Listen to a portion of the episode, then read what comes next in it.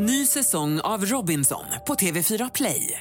Hetta, storm, hunger. Det har hela tiden varit en kamp. Nu är det blod och tårar. Fan händer just nu. Det. är Detta är inte okej. Robinson 2024, nu fucking kör vi! Streama söndag på TV4 Play.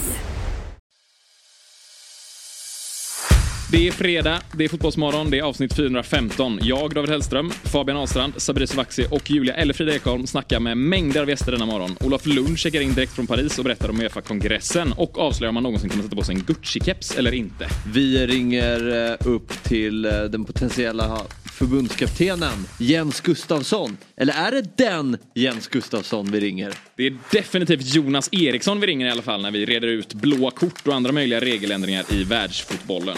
Och sen kommer Lovisa Sköld hit, mer känd som Svensktoppen. En oerhört konstnärlig människa.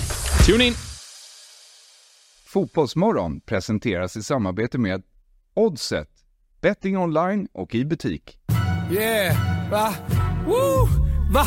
Vad fan är det som händer? Va? Vad fan är det här alltså? Jag blir fan jävligt kär alltså. God morgon, god morgon, fotbollsmorgon. Det går liksom inte att sitta still. Upp och hoppa nu, vi gör det här en gång till. Det här är terapi och lösa kanoner på däck. Yes! Där säger vi god morgon och välkomna till Fotbollsmorgon avsnitt 415. Vi sitter här igen, Sabri Sovaksi, Julia eller Frida Ekholm, Fabian Ahlstrand och David Hellström. Jag känner att du, du vet fortfarande inte. Nej, jag vet inte. Men inte du heller. Hon bara hej, jag bara hej. Ja, men jag fick ju reda på nu också att Fabian har ju liksom träffat Frida innan så det är lättare för honom Ja. att känna igen såklart. Ja. De bara vi har en trillingsyrra. Tada! Då har det varit rörigt. Har du hämtat dig Sabri eller hur? Fan men knappt alltså så här. Äh, ja, nej men knappt. Det var en jäkla blåsning jag åkte på. Men eh, sen har jag också insett att fan de här systrarna Ekholm, de är ju hur kända som helst. Jag får ju samtal av de mest konstiga människorna. Bara, såg du inte skillnad? Nej, de där är känd. Jag, jag var deras fotbollstränare när jag var liten. Hon gick i min klass. Och jag bara, men herregud, vadå? Hela Sverige såg skillnad ut och jag. Och du. Och jag då? Helt omöjligt. Det var helt sjukt. Vi prickade in de enda två som inte Ja, det var ju snyggt. Det är snyggt så gjort. många som bara, såg du inte skillnad? Jag har fått så här, ska, ska jag bli hånad för det här? Alltså. Ja. Ja, det är klart det ska bli. Ja. Men du har också fått en liten skjuts då kan man säga. Fått lägga ut klippet på Ja. Instagram. Och lite, det är lite Nej, bra. Men jag, bra. är- Du menar att jag är suspekt mot alla? Nej men att du har fått en bra, det är bra Ja, visningar nu. Bra sidvisningar Det nu på, på sociala på medier. Instagram. Exakt, exakt. Ja, du la ut den igår va? Eh, I förrgår? Nej, förrgår. Bra PR. Men hon, och, hon jobbar ju med, med sociala medier. Ja, ja, ja. Alltså hon fattade ju det. Ja. Hon kanske har tipsat dig också så att, Just men det, kör nu, pusha lite på detta. lite, Ja. men ja. att hon orkade i 10-12 minuter. Hon bara körde på. Alltså, det, när jag tittar på det efter. Och du bara, det kan vara du. Hon bara, ja. Men jag hade ju kört värsta genomgången kvällen innan. Jag hade skickat bild och så här, ja, men det här är Sabri, det här är det här. blir ännu weirdare. Ja, bara för att hon är så här, för hon bara, ah, men, och det roliga var ju att hon bara, ah, men så här, ska jag hälsa på folk när jag kommer? Jag bara, nej hälsa inte, alltså sträck inte fram en hand. Jag bara, alltså i bästa fall en liten sån här tja. Och jag tror var inte det den som gjorde ju det. Ja, den det var därför, ja, och då körde vi. Så det är förberedelse bakom också. Ja, det, det är starkt jobbat. Otroligt. Lite Men- läskigt men. Mm. Vad är- Snöröjarna, de strejkar eller? Ja. Ja, ja. det var en stig jag gick på i morse. verkligen. Jag hade en person som hade gått innan mig till tunnelbanan. Så det var väldigt skönt att kunna gå i fotspåren så. Annars Ja, ju... jag tog ju bilen. Oj. Som jag liksom underskattade Ja. halkan. Ja. Och överskattar alla andras liksom, Förmåga att köra bil. förmåga att köra bil. Och din egen. Alltså. Nej men jag är ju nog en, en av de bättre i Sverige. det Men där kom- brukar låta så. Men känner, ni som håller på, alla har hållit på med sport. Känner ni inte att man- man har det här har greppet split lite. vision och man kollar runt omkring Jo. sig. Man stirrar inte bara boll utan man tittar försvarare. Så jag ser hela tiden vad som händer i trafiken. Ja men sen ska man byta fil också. Vissa är så här, de börjar bara blinka och så hoppas de på det bästa. Att man Ja. flyttar på sig. En annan är så här, men, när man hittar den här, ja, men, in där ut och så ska man liksom förbi. Så man har ju lite feeling. Men är det så när ni sätter er i bilen att ni liksom preppar som inför en match? Så kör lite tigbalsam där det är ont. Liksom. Kom igen Ja, kör lite på gaspedalen. Ja, Är redo. yes. Något annat då? Gucci-kopia-keps. ja. Det är inget ni har hemma eller? Nej. Nej. Nej. Men eh, Martin Melin verkar ju, han har ju sagt, eh, snackar ju om det, här nu då, eh, riksdagsledamoten i Liberalerna, att alla som bär Gucci-kopia-keps inte nödvändigtvis är kriminella, men att många kriminella bär Gucci-kopia-keps. Som han kallar det. Och han påpekar även att fotbollshuliganer ofta syns i Adidas och liknande. Och nu ska man ju då få visitera, eller det är ett förslag att man ska få visitera folk utifrån vad de har på sig. Vad har vi mer för liksom grupper där ute då? Uppenbarligen är det så att kriminella har Gucci-kopia-keps. Gubbar har beiga jackor kanske. Sådana där. En bara. Stockholmstjejer har eh, stora acnemössor och eh, lång dunjacka. Det är Kanske fubuki-stövlar. Såhär Och barnvagn. Barnvagn. Har du något mer? bugaboo. Men eh, Jag kom in på trender. Men, eh, Adidas-byxor var ju en trend förut. Jag kommer Ja, ihåg det- när vi gick i nian eller vad det var. Eh, och vi var fotbollsklass. Så vi tyckte att ja, men så här, ah, när de andra klasserna började komma med Adidas-byxor som inte spelade fotboll. Det tyckte vi var, nej, det var inte okej. Ja, det, det är liksom kulturell appropriering. grej. Ja, inte okej. Inte okej. Vad finns det mer för? Dricker Nocco gör det mycket. Är det, har det men någon, de liksom, här hänger det ihop med något? tjejerna som tar pappas kavaj har ju varit inne nu. Just det. Bianca Ingrosso Eller- vibe. eller- Ja, Får jo, jo, det är en grej. Ja, det är pappas eller pojkvännens brukar det också pojkvännens vara. kanske. Ja, just det. Det har ju varit sånt. en trend. Ja, det är ju något ja. Och vad ska, ska vi visitera, får de, ska vi visitera dem eller? Nej, de är inte misstänkta för något. Nej, men det, det här är ju helt, van, det är ett helt vansinnigt beslut om du frågar mig. Alltså det är, ja, det, det, det vi är inte en sån podd. Jag, så jag ska inte gå in i de här politikerna. Men det är för mig. Ja, jag tycker det är lite liksom magstarkt av honom på något sätt att säga att det är kopior också. Alltså det går väl ganska bra för de gängkriminella. Liksom, De har väl råd att köpa, liksom, rikt- eller ta, sno riktiga. Alltså äkta Gucci eller? Ja, Det är det de och ska. De tar av eller? de bara, kopia, skit i honom. Exakt, Han har ja. inga cash. Nej nej. Vad fan. Det tänker jag i alla fall. Det är ju de som har äkta Gucci-kepsar. Det är de vi ska... Det är de ska ta. om det nu är någon då. Det är, ja. Men känslan är ju alltid när Martin Melin ställer sig där vid podiet att det kan komma ut vad som helst. Ja, man, alltså man är ju nervös. Eller jag kan tänka mig att de som liksom, eh, så här, Liberalernas pressekreterare jävligt nervösa. Men Fabbe, jag har inte sett många fotbollshuliganer med den här kepsen. Nej det var det Nej. Adidas som Nej. tog, tog Var det Adidas? Ja det var inte Okej, just, ja. nej, Ja, men- den är inte så vanlig För där. Stone Island nämnde de inte ens. Den har, det har Nej. fidat ut helt som en huliganstämplat märke. Alltså de kanske bara inte har märkt det än eller fattat de här För Adidas, det är ju, Adidas är ju så himla brett. Det finns det ju som du säger andra varumärken som är Ja. mer huligan då. Ja, Ja, verkligen. verkligen. Stone Island är väl typiskt Ja, förknippat med det. Alltså, Ja absolut, det är det. Sen har det blivit ett, ett trendigt märke också. Liksom, Ja. att folk, De gör ju snygga kläder men Det har ju alltid varit, längre. alltid varit liksom ett eh, huliganmärke. Det beror på vilka kretsar du umgås i också. Men har du eh, en Stone Island på kanske någon högriskmatch då kan du ju folk kanske, vissa kommer ju misstolka dig så. Nej, inte längre. Tror du inte? Nej, jag kommer ihåg faktiskt, mm, det var det här är länge sedan, det måste vara tio år sedan. Jag övervägde att köpa en Island tröja. Men det, jag fattade precis att det var för dyrt. Men då kommer jag ihåg att jag sökte runt och så var det så här flashback-tråd att så här, om du har på dig en Stone Island tröja då får du, då får du räkna med konfrontationer. Fast det fast det är hacket också, kommer du ihåg det? Ja, hacket. Hacket. just Se- Ja ja. just det, SIP-tröjan. Ja, som hade en liknande logga då eller? Det, nej, Nej men den var lite så här, ja, samma vibe. samma vibe. Ja. Protect the badge, säger man inte så? Jo. Jo, Det fanns ju du också... ska stå upp för den. Ja. Eller du ska stå upp för dig själv om du. Ja, om du, exakt om du har Stone Island badgen. Ja. Det var ju mycket, de, folk stjäl väl dem också tror jag. Alltså det, jag har jobbat i klädbranschen då var det så att det var ett problem att så här, fan om man har Stone Island kläder så man larmar ju dem. Men då är det folk som liksom tar bort den Ja, för den bara sitter med loggan. knappen. Ja. Den finns inte Ja. kvar längre. Nej nej, så bara, den, ja, Island men utan den där grejen då för den har alla. Larmade den tagit. lilla... Ja men då liksom, loggan hur, hur, hur, gjorde de kanske det till slut? Ja. Jag, jag tror jag för mig jag sett någon gång att de liksom satt Eller så i tog de den av också. dem. För Poli- Just det, dem så får man dem när man... Ja. Ja. Eller så köpte man en kopia. Så kom polisen och bara, nej det här är en kopia. Nej, kopia, du är lugn, du är lugn. Skönt. Det är lugnt. Gå vidare. Ja, verkligen. Fullspäckat eh, program idag. Mm. Alldeles, alldeles snart så kommer Olof Lund checka in. På, på, Kommer han hit? På länk. Nej, han Nej, bra. checkar in. Ja. Ja. det är bra. Bra. Vem ska lämna? Och så är det såklart fredagsquiz idag också. Har ni liksom, alltså. Det gick ju inte Jag- jättebra. Nej. Vi blev så bli förra gången. Det gick skitdåligt Ja, det om jag ska vara helt ärlig. Det var snällt Jo men sagt. reglerna var skeva också. Ja, det var så. Men ni Eller fick ju se frågan eh, liksom. Så ni hann ju Ja, liksom, du lyssnade. Jag lyssnade. Ja. Ja. Jag gjorde det man Jag, skulle jag göra. måste upp på det. tårna så där, Ja, jag är det- besviken på min insats. Ja. Måste göra det här bättre. kryssade va? Men, Ja, till slut. Vad fick ni? Fem va? Fem? var. Ja. Jag tror det blev 6 Ja, 6 det är, 1 ju- ska, vi, ska vi dra eller? det, men jag tänker mer på den där kepsen nu. Jag har fastnat här. Ja. Om man skulle ta någon sån här känd person i Sverige som är så lite Gucci-keps som möjligt. Ja, sätta in den Och sätta på den där. Alltså vad hade, Olof Lund, vad hade hänt med Olof Lund om han gled in det, i den där kepsen? Va? Det hade varit en jäkla syn, eller hur? Ja. Säljer de fortfarande sådana kepsar?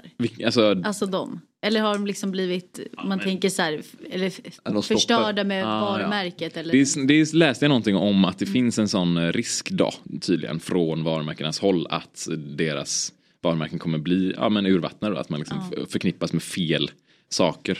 Jo men det säljer ju ändå. Ja, det gör det verkligen. Alltså, verkligen. Men om det är någon inom svenska mediekåren jag skulle kunna se någonstans så är det ju Lund. Nej. Jo, det går att stå där vi, jo absolut. Tobbe Ek hade vi med igår. Han, han har ju keps men den är ju tydligare. Han är med alltid sån boy på. här äh, Elfsborg firar guldkeps. Ja exakt. Och liksom in, ja men precis den med rak skärm. Liksom. Inte den böjda. Ja, rak. Men alltså inom svenska som journalist, alltså sport, då är ju Lund den som är. Noah ser- Bachner kanske?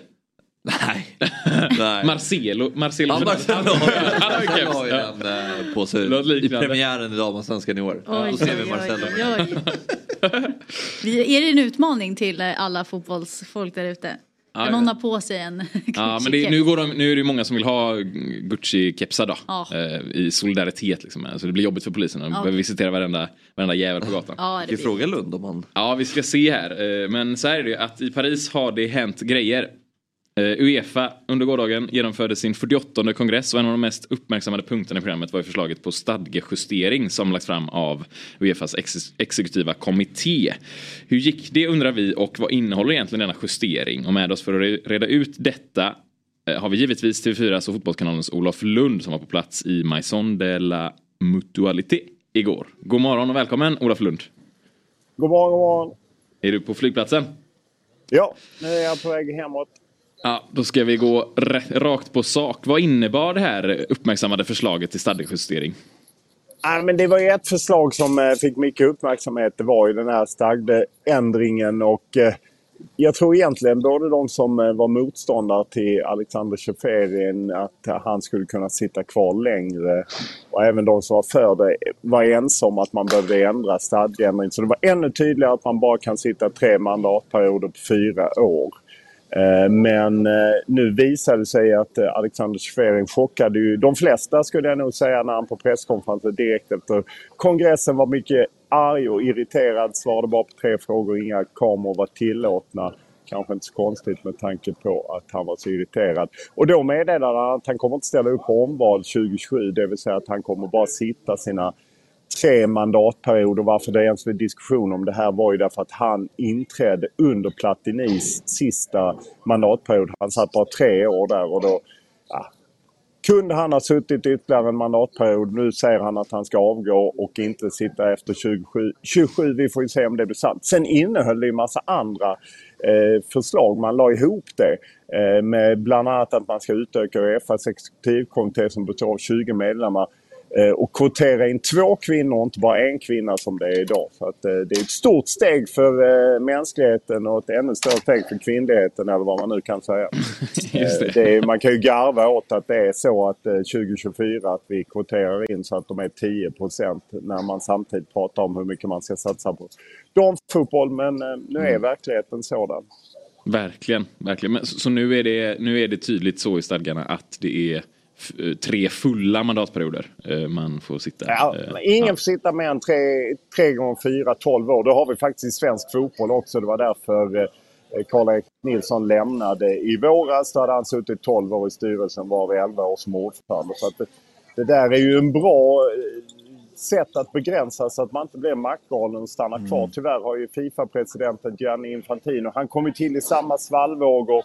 Han ersatte ju Sepp Blatter. Han har däremot sett till att den mandatperioden räknas inte. Han är lite mer, ännu mer maktsugen än Tjeferi så han kommer kunna sitta kvar till 2031. När får vi se eh, Fredrik Reinfeldt i exekutiva kommittén? Ja, jag frågade honom när jag träffade honom i flera gånger under gårdagen eh, och faktiskt även i förrgår. Så han har gjort ovanligt mycket media om man är sugen på att läsa lång intervju finns på Fotbollskanalen. Mm. Ja, men han säger att han är inte intresserad av det. Han är så pass, han har inte ens varit ett år eh, som eh, fotbollsförbundets ordförande. Han har Ja, jag frågade till och med om Cheferin, kan det vara intressant att bli ordförande där när han vill vara Sverige som bas och så. Det är i varje fall vad han säger och ibland får man ju lita på folk vad de säger. Just det. Han verkar ha fullt upp med grejer överlag där så det kanske inte är bra att dra på sig till uppdrag. För Reinfeldt. Var, varför, varför blev han så arg då, Cheferin? Därför att han har ju varit ifrågasatt. Eh, de som så, för ett par veckor sedan hoppade ju gamle storspelaren Bobban av. Eh, Svonomir Bobban eh, som fotbollschef i Uefa han pekade på liksom att eh, är maktgalen och sa på presskonferensen att han ville se liksom folks rätta ansikte. Han bestämde sig redan för ett halvår sedan och eh, detta var helt enkelt något slags eh, ja, någon slags djävulsk plan. Man kanske blir väldigt paranoid om man sitter i toppen på fotbollen och det har varit superliga och det har varit det ena med det andra det är ju en rätt speciell värld, eh, hela den här eh, Uefa, Fifa med maktkamper och folk sticker en lätt i, i ryggen och så. så att jag misstänker att han kanske är, är, lite skadad av det och att man blir lite paranoid att folk är ute efter en hela tiden och så. Nu vill han på något sätt straffa dem genom att eh, visa att han minst, minsann tänker avgå. Just det, hur, hur märker man av den här liksom, stämningen med maktkamp och så vidare när man är på och bevakar någon sån här? Alltså som journalist så är man ju väldigt långt ifrån men eh, man hänger ju på Uefa-hotellet. Där får man ju komma in fortfarande får man inte. Jag försöker ta mig in på Fifas hotell under VM i Qatar. Då har de, de har slutat med det. För annars är det liksom modellen för journalister att man hänger på de här hotellen och, och försöker prata med med folk eh, som eh, rör sig i de här environgerna. Sen kan jag inte säga... Det är klart att man märker maktspelet på det sättet att folk försöker få ut eh, saker och ting. Och jag, man kan ju börja med Uefa-kongressen, men det som ändå var störst med svensk synvinkel, då tar jag över lite kommandot över vad ni pratar om, är ju att, ja, eh, att Sverige-Danmark söker eh, EM för damer 2029. Slog ner som en bomb på något sätt när Sverige kallade till presskonferens 15 och 15 på hotellet. Ja, varför är det anmärkningsvärt apropå maktspel och liknande? Jo, därför att för ett år sedan så förlorade Norden kampen om att arrangera EM 2025. Då var det Finland och Norge. Det vill säga att Sverige och Danmark kör ju nu utan Norge och Finland. Och det mm. landar inte så himla väl.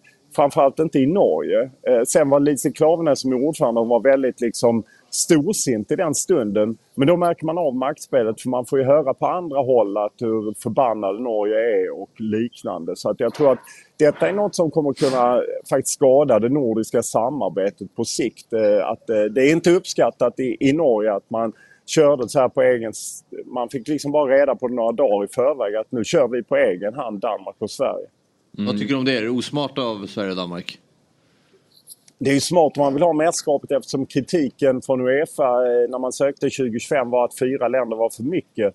Men det är klart att om man som Fredfeldt pratar mycket om att vi måste få till en bättre nordisk samordning, bättre samarbete. Mm. Då tror jag inte detta är vägen. Sen tror jag detta är mer ett eh, Jesper Möller som då är långvarig eh, dansk förbundsordförande, sitter i Uefas exekutivkommitté och eh, jag tror mer det är hans eh, eh, spel än vad det är Fredrik Reinfeldt. Eh, för att han är en mer slipad maktspelare och kan de här korridorerna. Men det är större mm. chans att Norden får ett EM. Men det är klart att det, det är tungt för eh, Norge och i viss mån Finland. Ja, just det. För det var väl svårt att, att anordna i alla fyra länder tyckte, tyckte väl Uefa? Ja, precis. Det var ju den kritik man fick. Men Ja, jag bara tyckte det, apropå maktspel och hur det går till, att det inte alltid är så. Fotbollen är inte bara vacker. Nej, verkligen inte. Nej, verkligen inte. De, eh, Uefa presenterade även sin strategi för 2024 till 2030 med namnet United for Success. Vad omfattade den? Det, var, det är faktiskt Karl-Erik Nilsson, eh, Sveriges representant på Uefas exekutivkommitté, han som drog den. Det var sju olika punkter och eh, det var så löst hållna punkter med sådana självklarheter som hållbarhet och att alla ska få vara med och man ska ha tävlingar i världsklass.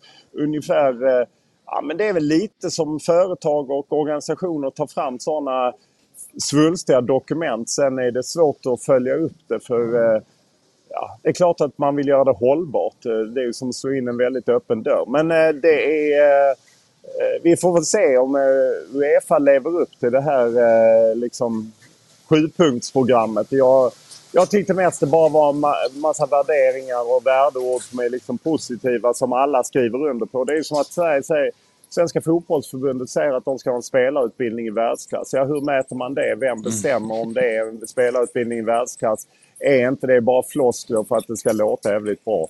Jag är rädd att det var likadant med Uefa. Sen gör Uefa väldigt mycket bra. De skickar ut en massa pengar. Det får man inte glömma bort. De visade även de staplarna. Det går ut mycket pengar till fotbollen. Det kommer man inte ifrån.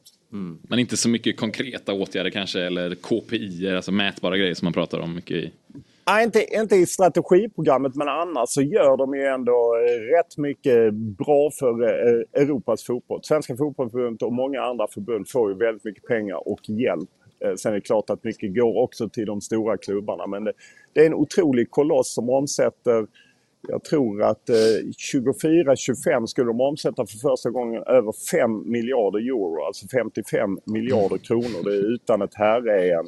Och väldigt mycket går ut till, jag tror att 80-85 procent går ut till fotbollen på olika sätt. Ja, otroligt. Eh, eh, har det liksom intensifierats den här maktkampen sen, ja, men till exempel med superligan och så här, nämnde du förut. Eh, märker man av det på något sätt? Ah, han pratar ju, Chiverin pratar mycket om eh, superligan. Det var väl en viktig seger för honom. Eh, men det man kan... Jag kan inte säga, jag tror att den kommer och går den här maktkampen. Och det har varit några liksom...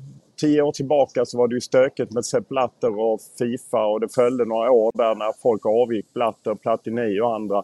Sen var det väl lite mer öppen kamp om vem som skulle komma och sen har väl Sheferi löst det mest eh, fram till just Superligan. Men även det verkar han ju eh, ta hem så att säga. Sen får han ju mycket kritik för att han ändå hjälper de största klubbarna mer. Att, eh, trots allt sitter ju PSG-presidenten och Qatarion Nasser alltså Al-Khelaifi i Uefas exekutivkommitté och satt bara några stolar bort från eh, när han pratar om liksom, Superligan och så. så att, eh, det är ju inte alltid det går hand i hand. Eh, och Al-Khelaifi blev faktiskt omvald på fyra nya år eh, i exekutivkommittén. Mm. Utöver den här stadgeändringen och, och, och Sverige och Danmarks EM-ansökan, finns det något mer som är värt att nämna här från, från gårdagen? Ja, det är ju den stora grejen som följde på kvällen. Nations League-lottningen. Azerbajdzjan, Estland och eh, Slovakien för svensk del. Lycka till att fylla Friends med de gängen.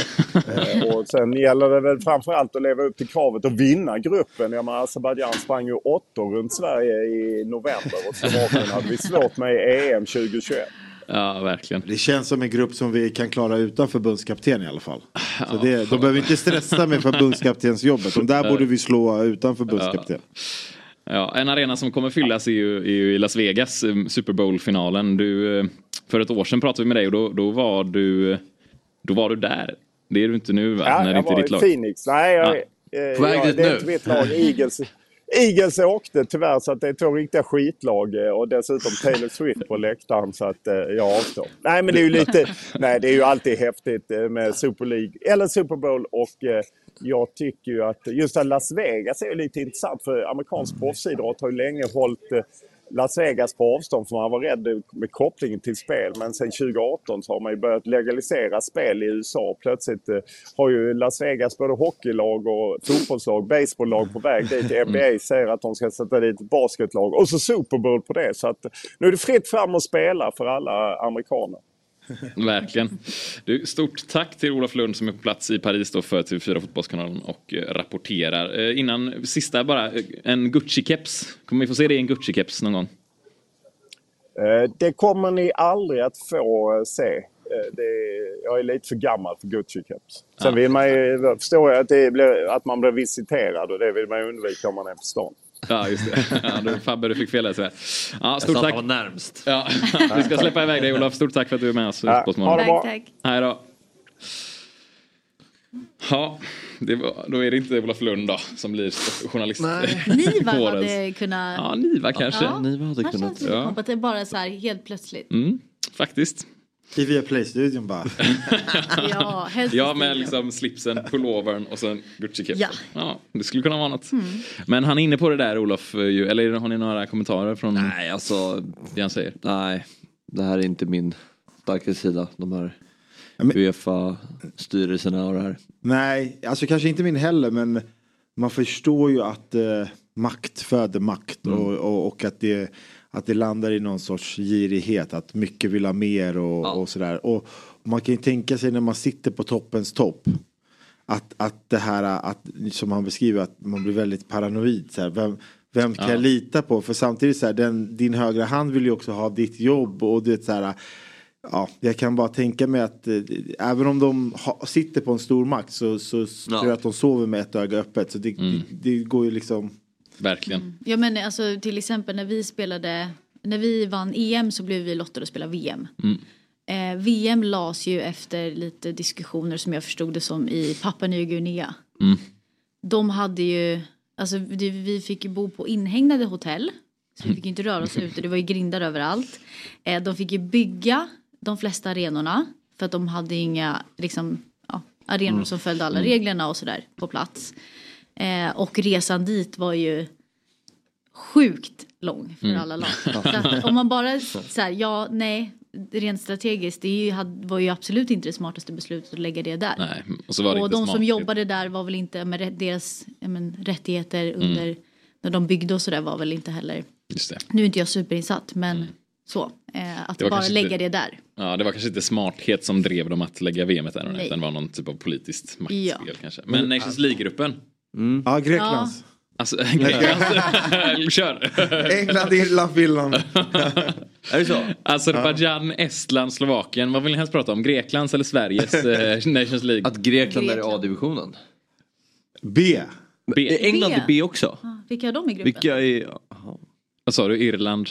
England. Finland. Finland, England. Det är ju drömmatch ju. Finland, Alltså, som är- Grekland. Vad är Blåvitt. England i eh, B? derby. Vad är England i B? Vad är Sverige i C? Jo, men... Oj. Men, Nej, men alltså, det, det som egentligen är, alltså, om man ser det från svenska ögon, så här, absolut, Lund säger det, det kommer vara svårt att fylla Friends. Men då känner jag bara så här, det skiter jag i. För att om vi inte kan ta oss till mästerskapet den vanliga vägen via gruppspel, då är ju Nations League perfekt. Alltså Grekland till exempel nu, de, de ska ju fortfarande kvala till EM och de möter Georgien, Kazakstan eller typ Armenien. Alltså jag menar, Ja, ja då vinner jag. Jag vinner hellre Nations League-gruppen då liksom och, och tar det här och, och, får, och har den här extra chansen till att gå till ett mästerskap. Just det. För att, ja, alltså.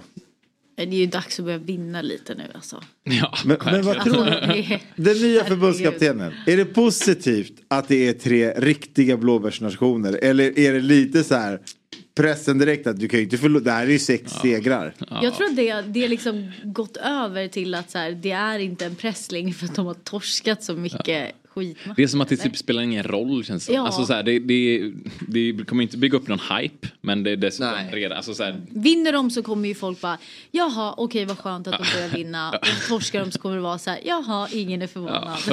Men jag tror att, jag tror att eh, mycket handlar om den första laguttagningen. Den första uh, förbundskaptenen gör och vilka spelare som kommer spela. För nu har vi ett intressant landslag med många spelare som är bra i sina klubblag. Att, så att de får spela. Att, så här, Hugo Larsson, han ska inte sitta på sidan längre till exempel. Eh, Rune Bajadi ska vara med i en trupp och göra ett inhopp. Eh, sådär. Så jag tror att man har mycket att vinna på att så här, bara att en trupputtagning som andas lite framåtanda och Mm. lite optimism Ja. tror jag är Får man opinionen med sig, ja. Ja och sen så här, får man en seger då tror jag att så här, då kommer det tidigare vara glömt lite. Bara nu, här är nya generationen, det här kommer bli, nu är det positiva vinnare. Det, alltså, det, det, det svänger så snabbt. Finns det en risk av att landslaget ofta är upp- uppbyggt på liksom de här, um, ja, men de som har varit med ett tag blir kallade, får vara med, de är i landslaget, de är vana med liksom när landslaget, när det är samling så blir de liksom uppringda. Tror att det kan skapa en så här uh, irritation då, du vet, att så här, man inte ringer upp vissa spelare då, eftersom man bara vill, man vill liksom förnya. För jag, jag hör dig. Jag, tyck, Ja. jag tror att man kan vinna väldigt mycket på att förnya. Ser vi en landslagstrupp som ser exakt likadan ut som Jannes. Då... Det spelar ingen roll, du, du kan äta Mourinho, vi kommer bara uff, vad tråkigt.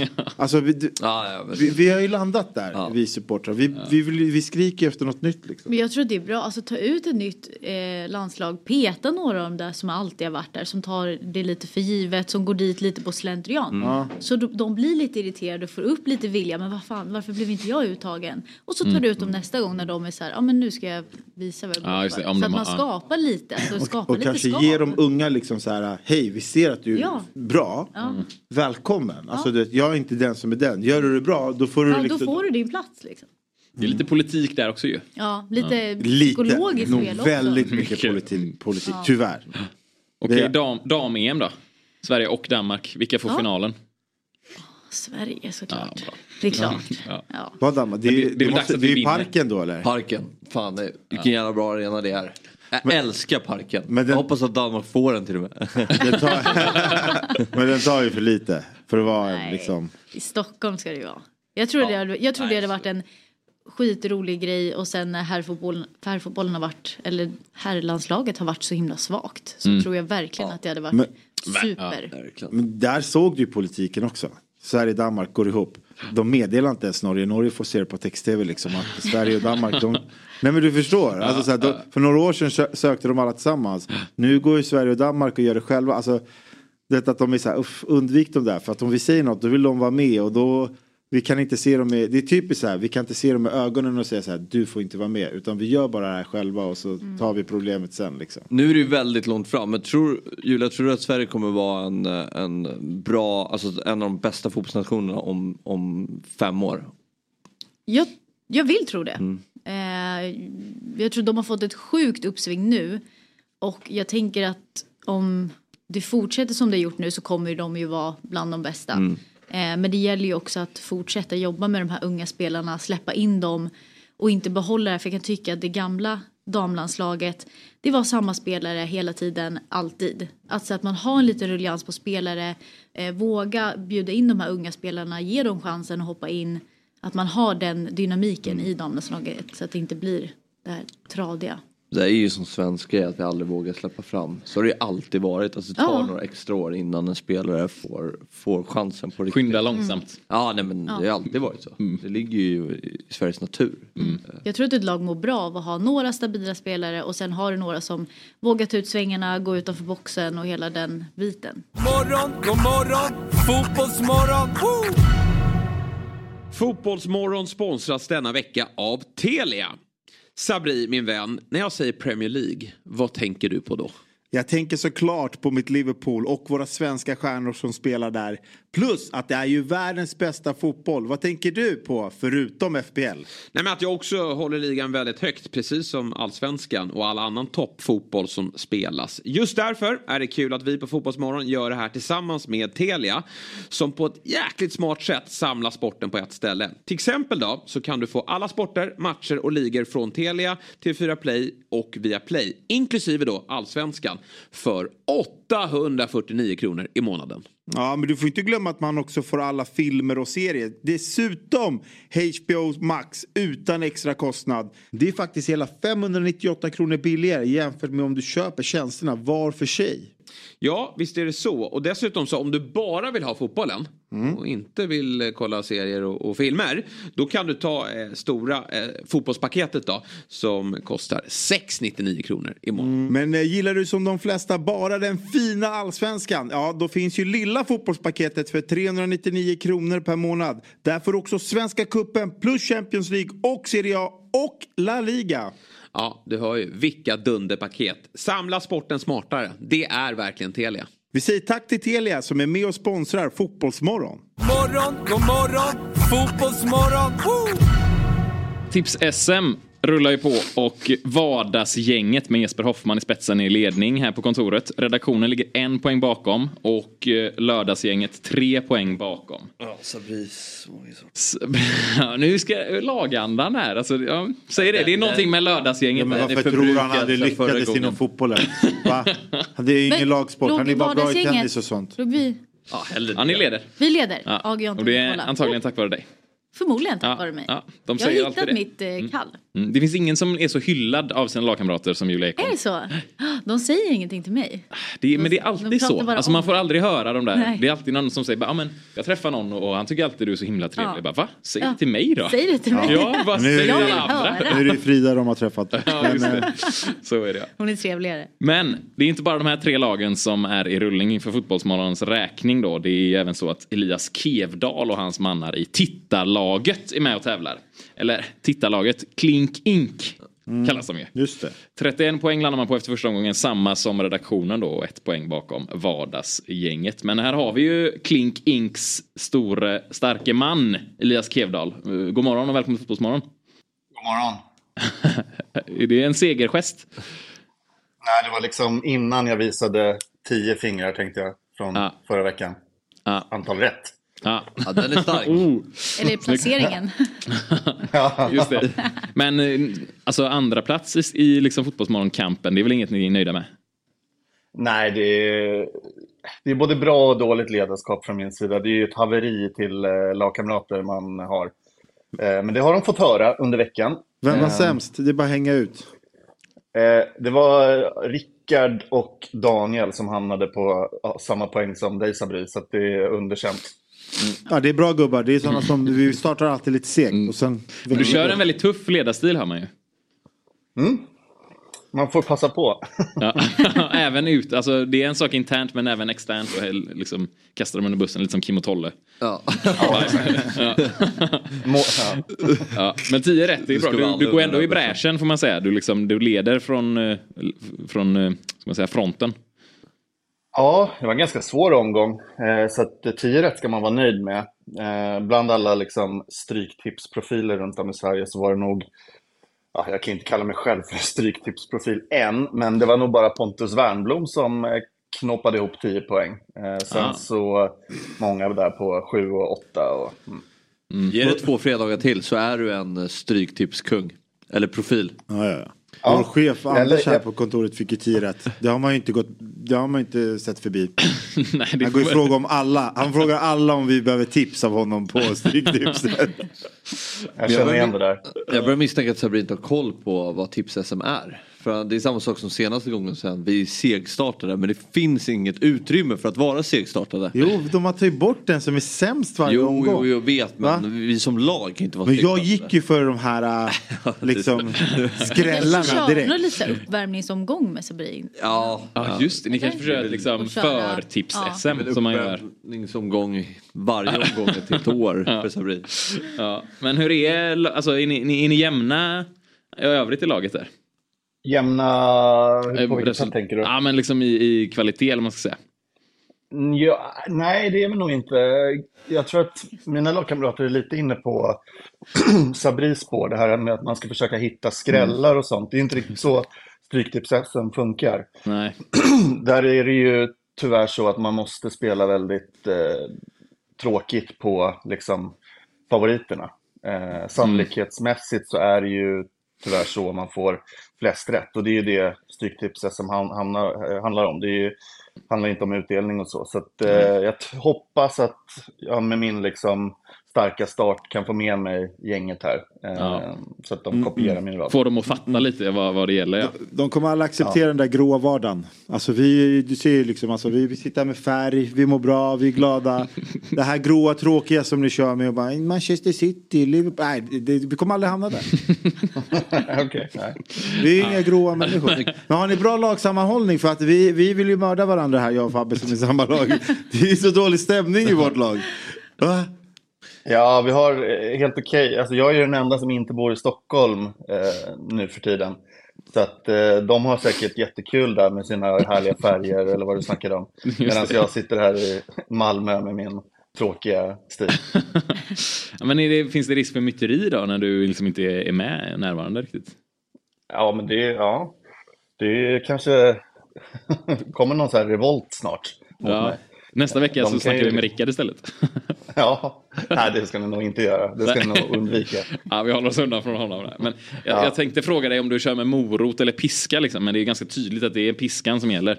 Alltså, jag försökte ju med moroten första veckan, men eh, eftersom, alltså, det var ju väldigt ledsamt att se eh, följa där deras rätt. Så att, eh, det är ju piskan som måste fram nu. Nu har vi ju förbrukat vår liksom, vecka där vi kan bara skrota den. Då är vi två. Ja.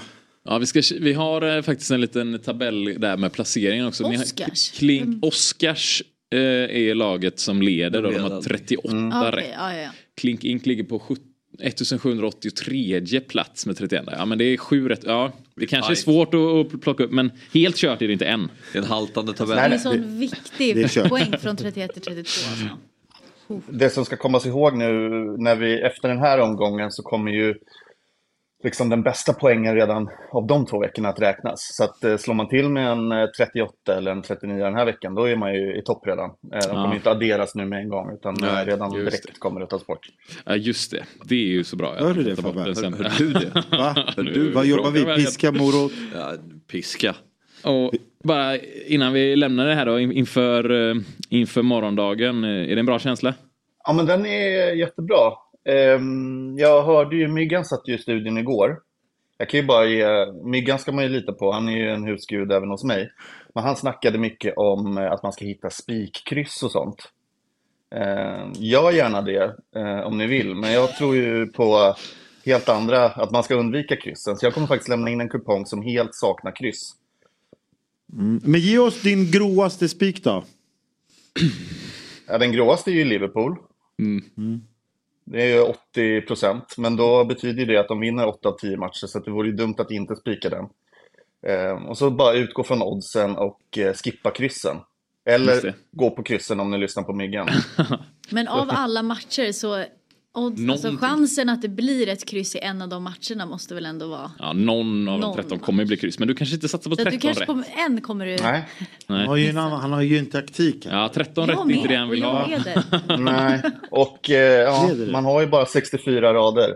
Ja. Ehm, så att det, det finns liksom inte eh, så mycket utrymme där. Nej. Jag ska spela utan halvgarderingar. Kan du få se.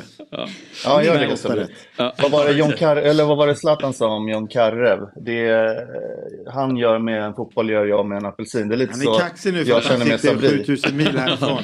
Kom upp till Det grabbarna Sabri i gör med Stockholm. en, det Sabri gör med en 64 rader så gör jag med en enkel rad. Oh. ja, Vi får väl se. vi får se. Tyvärr kan man inte göra det då. i- Det, det här är det. Man dummaste göra man kan 60 göra. Att hetsa mig. Ja. Det är en riktig kebabpizza för Det mig. blir spännande nästa vecka att Ja. se stämningen här mellan Redan, redan på söndag färgglada Stockholm och gråa Malmö. Men du Elias, vi tackar dig och önskar dig en trevlig helg och lycka till imorgon. Det är jag som ska tacka. Lycka till. Lycka inte till. Ha det gott. Ha det gott. Hej. Ja, det är Kul inte... att tävla hörni. Ja, det är kul. Ja. Det är kul. Och nu ska vi också få se Fabbes, vi ska kliva in i Fabbes spelhörna. Mm. Han är så jäkla dålig. Stolta trippen som Ja, kallar. Fabbes Eh, helgtrippel. Hur gick det förra veckan då? Ja, det var en och tre. Eh, så, Vi släpper den men vi, vi, vi boostar ju upp oddsen. Här Ja. är inget sex oddsare. Här Nej. går vi på 14,56. Eh, och vi börjar i Italien. Där Roma tar emot Inter. Ett på nytt för ett Roma med Da- Daniele De Rossi. Eh, vid rodret, där har vi den Fabbes stolta helgtrippen. Så ja. Eh, där tror jag att det kan bli, eh, Inter är ju ligans bästa lag, de kommer vinna Serie A. Eh, men jag tror inte Roma kan störa lite här på hemmaplan på Olympico. Med ny energi, bra offensiva spelare. Lukaku på plan eller? Ja, och jag tror det kan smälla åt båda hållen. Max 2-1. Eh, eller 1-1. Men båda lagen kommer i mål. Sen, jag går på krysset. Leverkusen Bayern München. Eh, toppmötets toppmöte den här helgen. Seriefinal. Eh, seriefinal. Du har med två seriefinaler på kupongen. Ja exakt, så jag, så jag vill uppmärksamma också lite helgens stora höjdpunkter. Eh, Leverkusen toppar ju Bundesliga ut en fantastisk säsong men har ju några skadeavbräck. Bland annat Palacio, mittfältare, Boniface.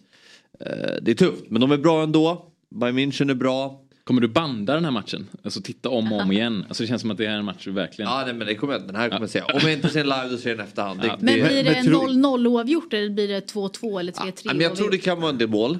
Ja. Eh, Men just när det är ett toppmöte, det är så mycket på spel. Det blev kryss senast också de möttes i höstas. Så jag tror, ja men krysset är bra här. Tror du att det påverkar någonting att Bayern München ska spela Champions League i veckan? Eller? Ja men eh, lite men ehm, absolut en faktor. Det väger väl upp med uh, Leverkusens skadeavbräck. eh, I min värdering här. Bayern München har väl också en del skador. Men, mm. Ja, nej det har de ju. Men så har de också en... men sen älskar ju du också Leverkusen så jag förstår att du försvarar Mm. dem lite mer. Ja, nej men krysset tror jag är bra här. Någon match, eh, 0-0, 1-1, 2-2, eh, mycket på spel. Då, de matcherna tenderar ju att bli kryss. Men här? Eh, Sen har vi Real mot Girona. Jag tror att det kommer vara körning eh, från Real sida den här matchen. Eh, De vill skaka sig loss. Girona så snabbt som möjligt nu. Jag tror Girona kommer få det tufft att hänga på Real Madrid eh, när vi summerar säsongen. Och jag tror att Real tar ett avstamp här. Vi, vi pratar håll, håll käften-insats här alltså. Nej men nej. Halvtid, alltså de kommer Halvtid, leda De, halvtid de, vinna kommer, matchen. ja, Exakt. de sätter ner foten här, De Girona. sätter ner foten här. Tror inte att ni är något. Eh, Real och jag tycker oddsen är ganska bra. Eh, och en helhet som landar på 14,56. Så eh, det är bara in i QR-koden. och- trerätters den här Det är helgen. trerätters Ja. skika. Ja. Men du, Tre går- du går emot dina två absoluta favoritlag just nu internationellt då, Leverkusen och Girona. De gillar du ju faktiskt mest. Ja men eh, jag tror krysset är ändå okej för Leverkusen. Ja, det är- det är Så det. är inte, det är inte, det är inte uselt. Man kan ju inte vara färgad om man ska vinna Va? på sånt här. Eh, nej, det Nej men exakt, du, spe- du, du, du hör ju själv, spelar med hjärnan. Inget hjärta. Inget hjärta här. Nej, nej, inget Men stolta. Hjärta. Ja, Fabbes stolta helgtrippel in och rygga. Ja verkligen. På dob.one slash oddset eller skanna QR-koden uppe i hörnet. Mm, den, är, den brukar funka. Den det brukar den göra. Och eh, Oddset är en produkt från Svenska Spel, Sport och Casino AB. Åldersgränsen är 18 år och om man upplever problem kan man gå in på stödlinjen.se. Och nu går vi på en liten paus. Morgon, god morgon, fotbollsmorgon. Woo! Ett poddtips från Podplay. I podden Något Kaiko garanterar östgötarna Brutti och jag, Davva, dig en stor dos skratt. Där följer jag pladask för köttätandet igen. Man är lite som en jävla vampyr. Man har fått lite blodsmak och då måste man ha mer. Udda spaningar, fängslande anekdoter och en och annan arg rant. Jag måste ha mitt kaffe på morgonen för annars är jag ingen trevlig människa. Då är du ingen trevlig människa, punkt. Något Kaiko, hör du på Podplay. Därför är gardinerna. Morgon, god morgon, fotbollsmorgon. Woo! Där är vi tillbaka i Fotbollsmorgon fredag. Sabri Suvaxi. Hej. Han har suttit här hela pausen och väntat ivrigt på att vi ska dra igång igen. Mm. Ekholm, Fabian Ahlstrand, jag heter David Hellström. Och igår var det så att det kom ut uppgifter om att det återstår två kandidater till förbundskaptensrollen. Jon Dahl Tomasson och Jens Gustafsson. Tydligt och bra för oss fotbollsinsatta. Eh, Och Sportexpressen la ju upp en, eh, en nyhet här med, med två bilder och eh, jag vet inte om ni Ser ni något som liksom inte stämmer på den här bilden? Eller? Jag ser två huvudkandidater här. Ja, två stora Tänka huvudkandidater. utanför boxen helt enkelt. Exakt, det är det de gör. Det är det de gör. Eh, Och eh, då känner vi att vi såklart ringer upp en av huvudkandidaterna här i Fotbollsmorgon. För det är så vi gör, vi pratar med folk. Så nu har vi med oss eh, Jens Gustafsson då. God morgon och välkommen till Fotbollsmorgon. God morgon, god morgon. Och hur känns det nu att liksom vara med i kampen här eh, om rollen som nästa förbundskapten? Och nu har jag ju avslöjade jag ju redan igår kväll där att kravet var att man skulle vara med i Masked Singer för att få jobbet och jag, det passar inte min kalender riktigt. Ja, är det så? Ja. Men det, det säger du också såklart för att man får inte avslöja att man är med i Masked Singer så du kanske mycket väl kommer vara med ändå. Det är ett, Precis, precis. Ja, en, en rökridå. Eh, Men det här är alltså hockey, hockey-Jens. Är det inte lite konstigt? Du, för du har väl inte tränat fotbollslag innan eller? Nej, det har jag faktiskt aldrig gjort. Det har Nej. Har du lämnat in en ansökan till fotbollsförbundet här eller är det de som har hört av sig eller hur? Det, det är de som har hört av sig. Ja. Känner du att du skulle kunna göra ett bra jobb trots att fotbollen kanske inte är din sport? Nej, men jag, alltså, om jag ska vara lite seriös, så ledarskap som ledarskap inom, inom vilken idrott det än är. Men eh, jag vet inte om det hade blivit så taktiskt bra kanske i fotbollen. Eh, så att, eh, men, men eh, ja. Eller så är det man det de med behöver. ledarskap. Det är kanske det de Förlåt? behöver. Det är kanske det de behöver, en hockeytränare. Lite fart och fläkt och överlapp. Kanske. Och, ja. Tryck på i Lite 20 mer- sekunder och sen byt. Ja, det blir jobbigt då har man eh, tre, fyra byten i fotboll bara på, på hela matchen. Ja, det blir tufft kanske. ja. Men, Men lite mer... Ja, nej, kör du, kör du. Nej men jag tänker fotbollsfolk har ju en del fördomar om hockeytränare. Att det är bara att säga till spelarna dumpa puck, eh, skridskor. Eh, var hockeyfolk för, eh, som fördomar mot fotbollstränare? Nej, det, det är väl rätt soft. Eh, spelar de match en gång i veckan och så är man ledig två dagar efter match och så, så tränar de en eller två gånger. Och, eh, ja, så det är betydligt mer soft. Vi tränar Ja, ju rätt hårt varje dag och Ja. spelar eh, två, tre, fyra matcher i veckan. Så. Just det, det är Det veklingar. är väl den som- fördomen man har. Ja. ja. Vara... Samtidigt när det kom ut igår så min sambo här, hon, hon var ju överlycklig. Hon sa äntligen en, en sommarsport. Kanske vi kan flytta till Spanien och jobba där istället och bo där eh, istället för de här vintersporterna då. Så hon, hon var rätt lycklig faktiskt. Just det. ja. För att vara tydlig här, vi pratar alltså med Jens Gustafsson, hockeytränaren då, eh, i Troja Ljungby nu i Smålands skogar. Jajamän. Jajamän. Hur går det? Eh, vi har eh, toppmatch idag mot Borås. De ligger etta och vi ligger väl eh, ja, två eller trea, men vi har en match mindre spelad. Så det är väl lite avgörande vem som ska gå till kvartsfinalspel här i division 1 mot Allsvenskan. Mm. Har, har, du, har du hört någonting från gubbarna i laget då? Alltså har det varit något så här... Alltså det brukar ju vara så här att man trycker ut artiklar och hänger upp i omklädningsrummet och sådär. Ja, det var rätt många igår. Vi har några. Oftast är det faktiskt så att eh, det är många hockeyspelare som har stort fritidsintresse att följa fotboll. Så det är många av dem som är fotbollsnördar på det viset. eh, Där jag tror kanske att det är fler hockeyspelare som följer fotboll än vad det är fotbollsspelare som följer hockey på sin Mm. fritid, inbillar jag mig. Men, eh, Ja, det. Så det, det hade de rätt bra koll på igår. Det var många, många som hörde av sig. Och in, inom hockeyvärlden igår framförallt som jag känner. Ja. Hur ser ditt fotbollsintresse ut då?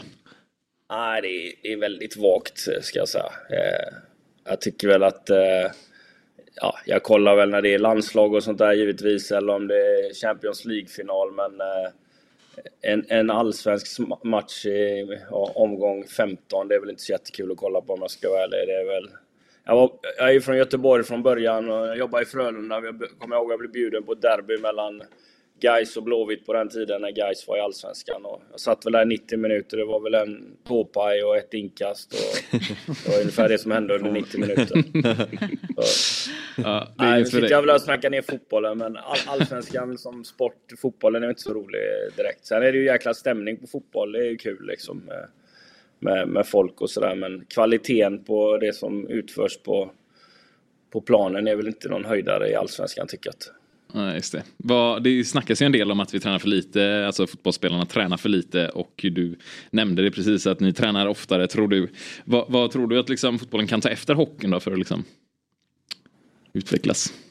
Jag vet inte, men jag tror definitivt att, man, att de kan att träna mer. Eh, eh, nu har jag jobbat med, med hockeygymnasium i många år tidigare och återigen, jag var i Frölunda och där har man ju fotbollsgymnasium med Blåvitt och sådana grejer. Och jag vet ju att eh, om man nu då säger att fotbollsspelare har deras naturliga element är att springa och jag vet ju att de ha- hade ju inte en chans mot hockeyspelarna när vi sprang Cooper-test och sådana där grejer. Så att, eh, ja. Var det så? Definitivt, jajamän. Oj. Och då kanske också hockeyspelarna regel väger 10 kilo mer eh, ändå. Så, så rent tidsmässigt. På den tiden, det, det här är ju 15 år sedan, men eh, ja, jag tror definitivt att fotbollsspelare kan träna hårdare än vad de, än vad de gör. Och, eh, tar, tar jag en, en eh, erkänd fotbollsspelare som Zlatan då, han är ju rätt så bra fysisk form liksom. Ja. Har ju alltid varit stor, stark. Eh, eh, ja, det, man, eh, det man har läst sig till. Han har ju tränat eh, kampsport och allt möjligt. Han har ju varit i en fysisk form som eh, varit rätt tydligt eh, annorlunda än många andra spelare tycker jag. Då. Ligger det någonting i det här som, eh, för vi hade Wikegård här för några veckor sedan och han snackade om att man i hockeyn liksom verkligen mjölkar ut istiden på något sätt så effektivt som möjligt. Att man kanske gör grejer, tränar eh, liksom sånt som man inte måste ha is för utanför den tiden och när man väl är på isen så, så kör att det blir liksom mer, ja det blir mer träning då helt enkelt. Finns det, hur gör ni för att liksom verkligen effektivisera? Alltså, jag är inte så insatt i elitfotbollsspelare, men elithockeyspelare som säger det, det, eh, det finns väl en kultur inom ishockeyn sen, eh, sen innan det fanns konstfrusna isbanor liksom. Så det är klart när säsongen är slut från eh, ja, april till man går på is i augusti då, då är det ju rätt så hård fysträning, barmarksträning med ganska så hårt både liksom bygga muskler i gymmet men även mycket kondition. På så sätt så är väl kanske hockeyn mer komplex sport än vad fotbollen är. Liksom. Du ska både vara stark, snabb eh, och uthållig på så sätt. Och, Ja, lite, lite som ni var inne på här innan. Eh, hockey kanske du spelar 30-35 sekunder och sen vilar du i en och en halv minut innan det är din tur igen. Under de 35 sekunderna så är det ju rätt mycket max, maxpuls Mm. liksom. Maxåkningar Mm. och max eh, allting liksom. Kanske, Eh, det är det ju inte för fotbollsspelare. Nej. Eh, Känslan när man tittar på hockey är att det går så mycket fortare idag än vad det gjorde för 10-15 år sedan. Vad, eh, vad skiljer sig i träningen idag jämfört med 15 år sedan? Ja, men det är nog just det. Jag tror att man lägger mycket mer fokus idag på hockeyn på, på liksom explosiv träning och, och vara vara snabb liksom. Det, eh, förr kanske det var ännu mer att man lyfte väldigt tungt och de blev väldigt stora och starka och kantiga hockeyspelare liksom. Och, eh, det, det har nog förändrats lite mer idag att man eh, eh, ja, tränar mer explosiv träning liksom. Och, Ja. och, För jag minns, jag gick på idrottsgym, idrottsgymnasium när jag var yngre. Och då gick jag med, alltså jag och hockeygrabbarna eh, gick i samma klass. Och så hade vi liksom fotbollen, fotbollsklassen gick eh, bredvid oss liksom. Men då var det så jävla intressant att se hockeygubbarna på off-season. När vi, för vi fick käka lunch på restaurang och sådär. De hade ju alltid med sig typ så här, egen grädde, tårta. Alltså, det, det var, alltså, de tryckte i sig så mycket mat. Och jag bara, vad, vad gör ni? De bara, vi måste bygga upp. För sen så bygger vi liksom det. Och så, så där höll ju ingen annan liksom. Ingen annan sport, alltså i fotbollsgrabbar innebandy ska vi inte prata om. De, ja, man kan äta vad som helst. Men eh, jag ska inte jämföra innebandy och hockey här.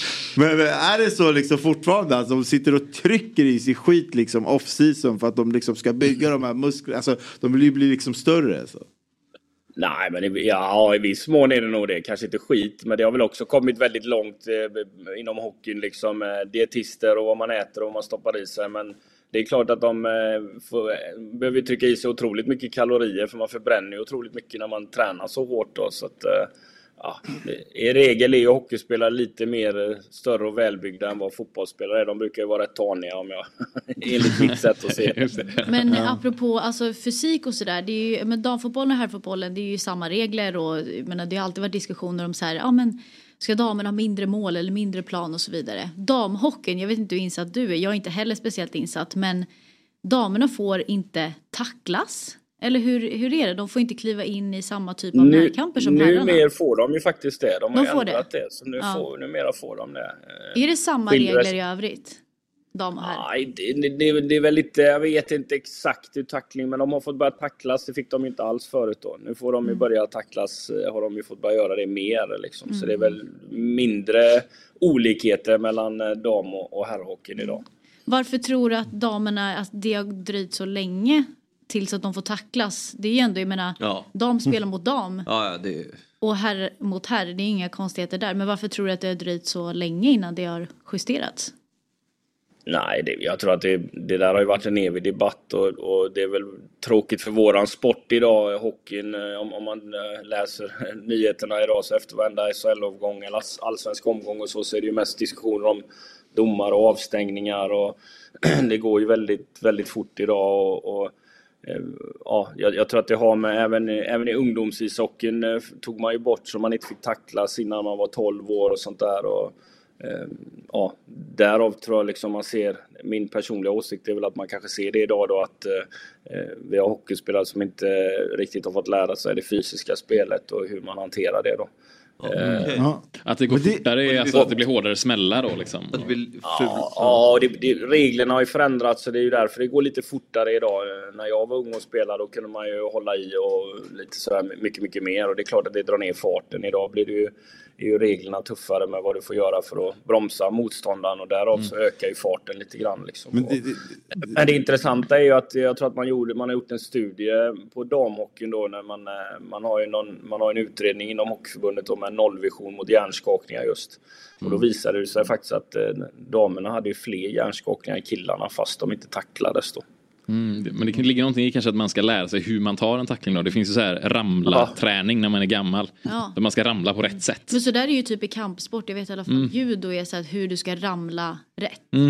Eh, men då finns det ju också risk att de inte har utvecklat det. Att de börjar med damerna att så här, ja, inte, jag antar att det kanske finns något jobb bakom att säga nu får ni tacklas. Mm. Jag menar då, det, Ja, och så är det seniorhockey och så är man, går det fort och så, ja, och så liksom går det kan man fort ta och så kanske man inte kan eller har tacklats tidigare under liksom utbildningen. Men- Men det, känns ju som att varje, efter varje SHL-match nu så Exakt. är det diskussioner om Ja. fula Mm. tacklingar, huruvida det är en ful tackling. eh, Det är den enda inte. debatten som Ja. är känner jag. Alltså så här, och, och så, jag som inte tittar så jäkla mycket hockey, jag kan tycka så här, det där var ju en hur klockren tackling som helst. Alltså, killen åker liksom och bara kollar ner på puck. Han får en liten open ice tackling. Jag är såhär, det där är hockey för mig.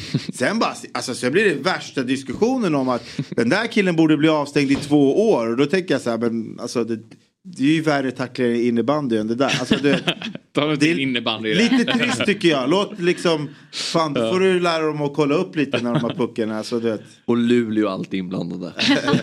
Troja Ljungby. Troja Ljungby också. jag tänkte fråga som hockeytränare bara så här.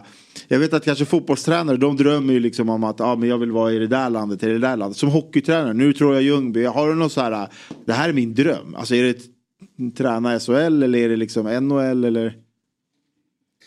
Nej, nu har jag ju...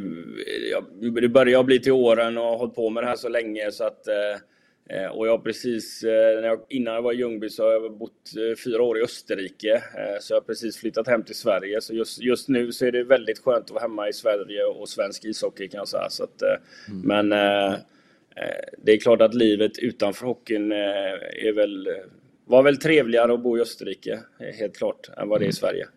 Du, innan vi lämnar dig Jens, tror du att det har något att göra med att, alltså det här med att hockeyspelarna tränar så hårt på sommaren, att ni är ett vinterfolk, liksom, bryr sig inte så mycket om att sola och ligga på stranden? Och... Ja, det tror jag väl. det- där är nog en fördom. Jag tycker väl att de, Det är ju det när man tjatar på våra unga spelare att de ska träna för att bli hockeyspelare och inte för beachen. Liksom. Det är Just det. beachen. Ja, det kanske är tvärtom, att de är Ja, så motiverade för, för beachen att de faktiskt tränar stenhårt för att se snygga ut. Vi har ju mer ledigt på sommarhalvåret än fotbollsspelare. Så jag tycker väl hockeyspelare kan väl mer njuta av sommaren än vad fotbollsspelarna kan. Ja, just det. Men du Jens, stort tack och lycka till här nu i kampen mot Jon Dahl Tomasson. Ja. Vi, vi håller Vi syns nog- på Friends. Ja, vi håller på det. Ja. gör vi. Eller Masked Singer, vi håller på det oavsett. Och lycka till mot Borås också. Ja, Ja. exakt. Stort Tack tack, ha det gött. Tack, tack. Hej. Trevlig helg. Hej, hej. Morgon, god morgon, fotbollsmorgon. Woo! I VM 1970 i Mexiko introducerades det gula kortet för första gången. Och nu 54 år senare då, så verkar det som att domarnas kortlek ska bli lite, lite tjockare igen. The Telegraph rapporterar nämligen att fotbollens regelorgan IFAB idag kommer att presentera ett nytt blått kort. Och med oss för att berätta mer om detta så har vi då allas vår favoritdomare och drake Jonas Eriksson. God morgon och välkommen till Fotbollsmorgon. God morgon, god morgon. Hur är läget? Ja, men det är alldeles utmärkt tycker jag. Det är fredag och det är mycket fotbollssnack. Jag har hängt med på morgonen här och framförallt när det diskuteras ett nytt kort så är det så här, oj vad folk gick igång på det där igår. Och Ja. sen, jag vill inte ta död på hela nyheten på en gång, men det är fake news eh, i stort sett. Det kunde du väntat med. ja, jag vet. Men, men, men det, är inte fake, det är inte fake news, men det är inte skarpt. Det är inget möte idag där det ska tas beslut. Det här med sinbins, som det kallas för, det vill säga att de här 10 minuters utvisningarna, det har diskuterats. Men, men IFAB, eh, det är en gammal koloss som träffas två gånger per år. De träffas en gång i oktober-november och förbereder mötet som de sen har i mars. Första Mm. helgen i mars. Mm. Det är de två mötena de tar beslut. Och i mars, den första helgen i mars, då träffas de alltid någonstans i, i Wales eller på eh, Nordirland eller i Skottland eller England och tar det här beslutet.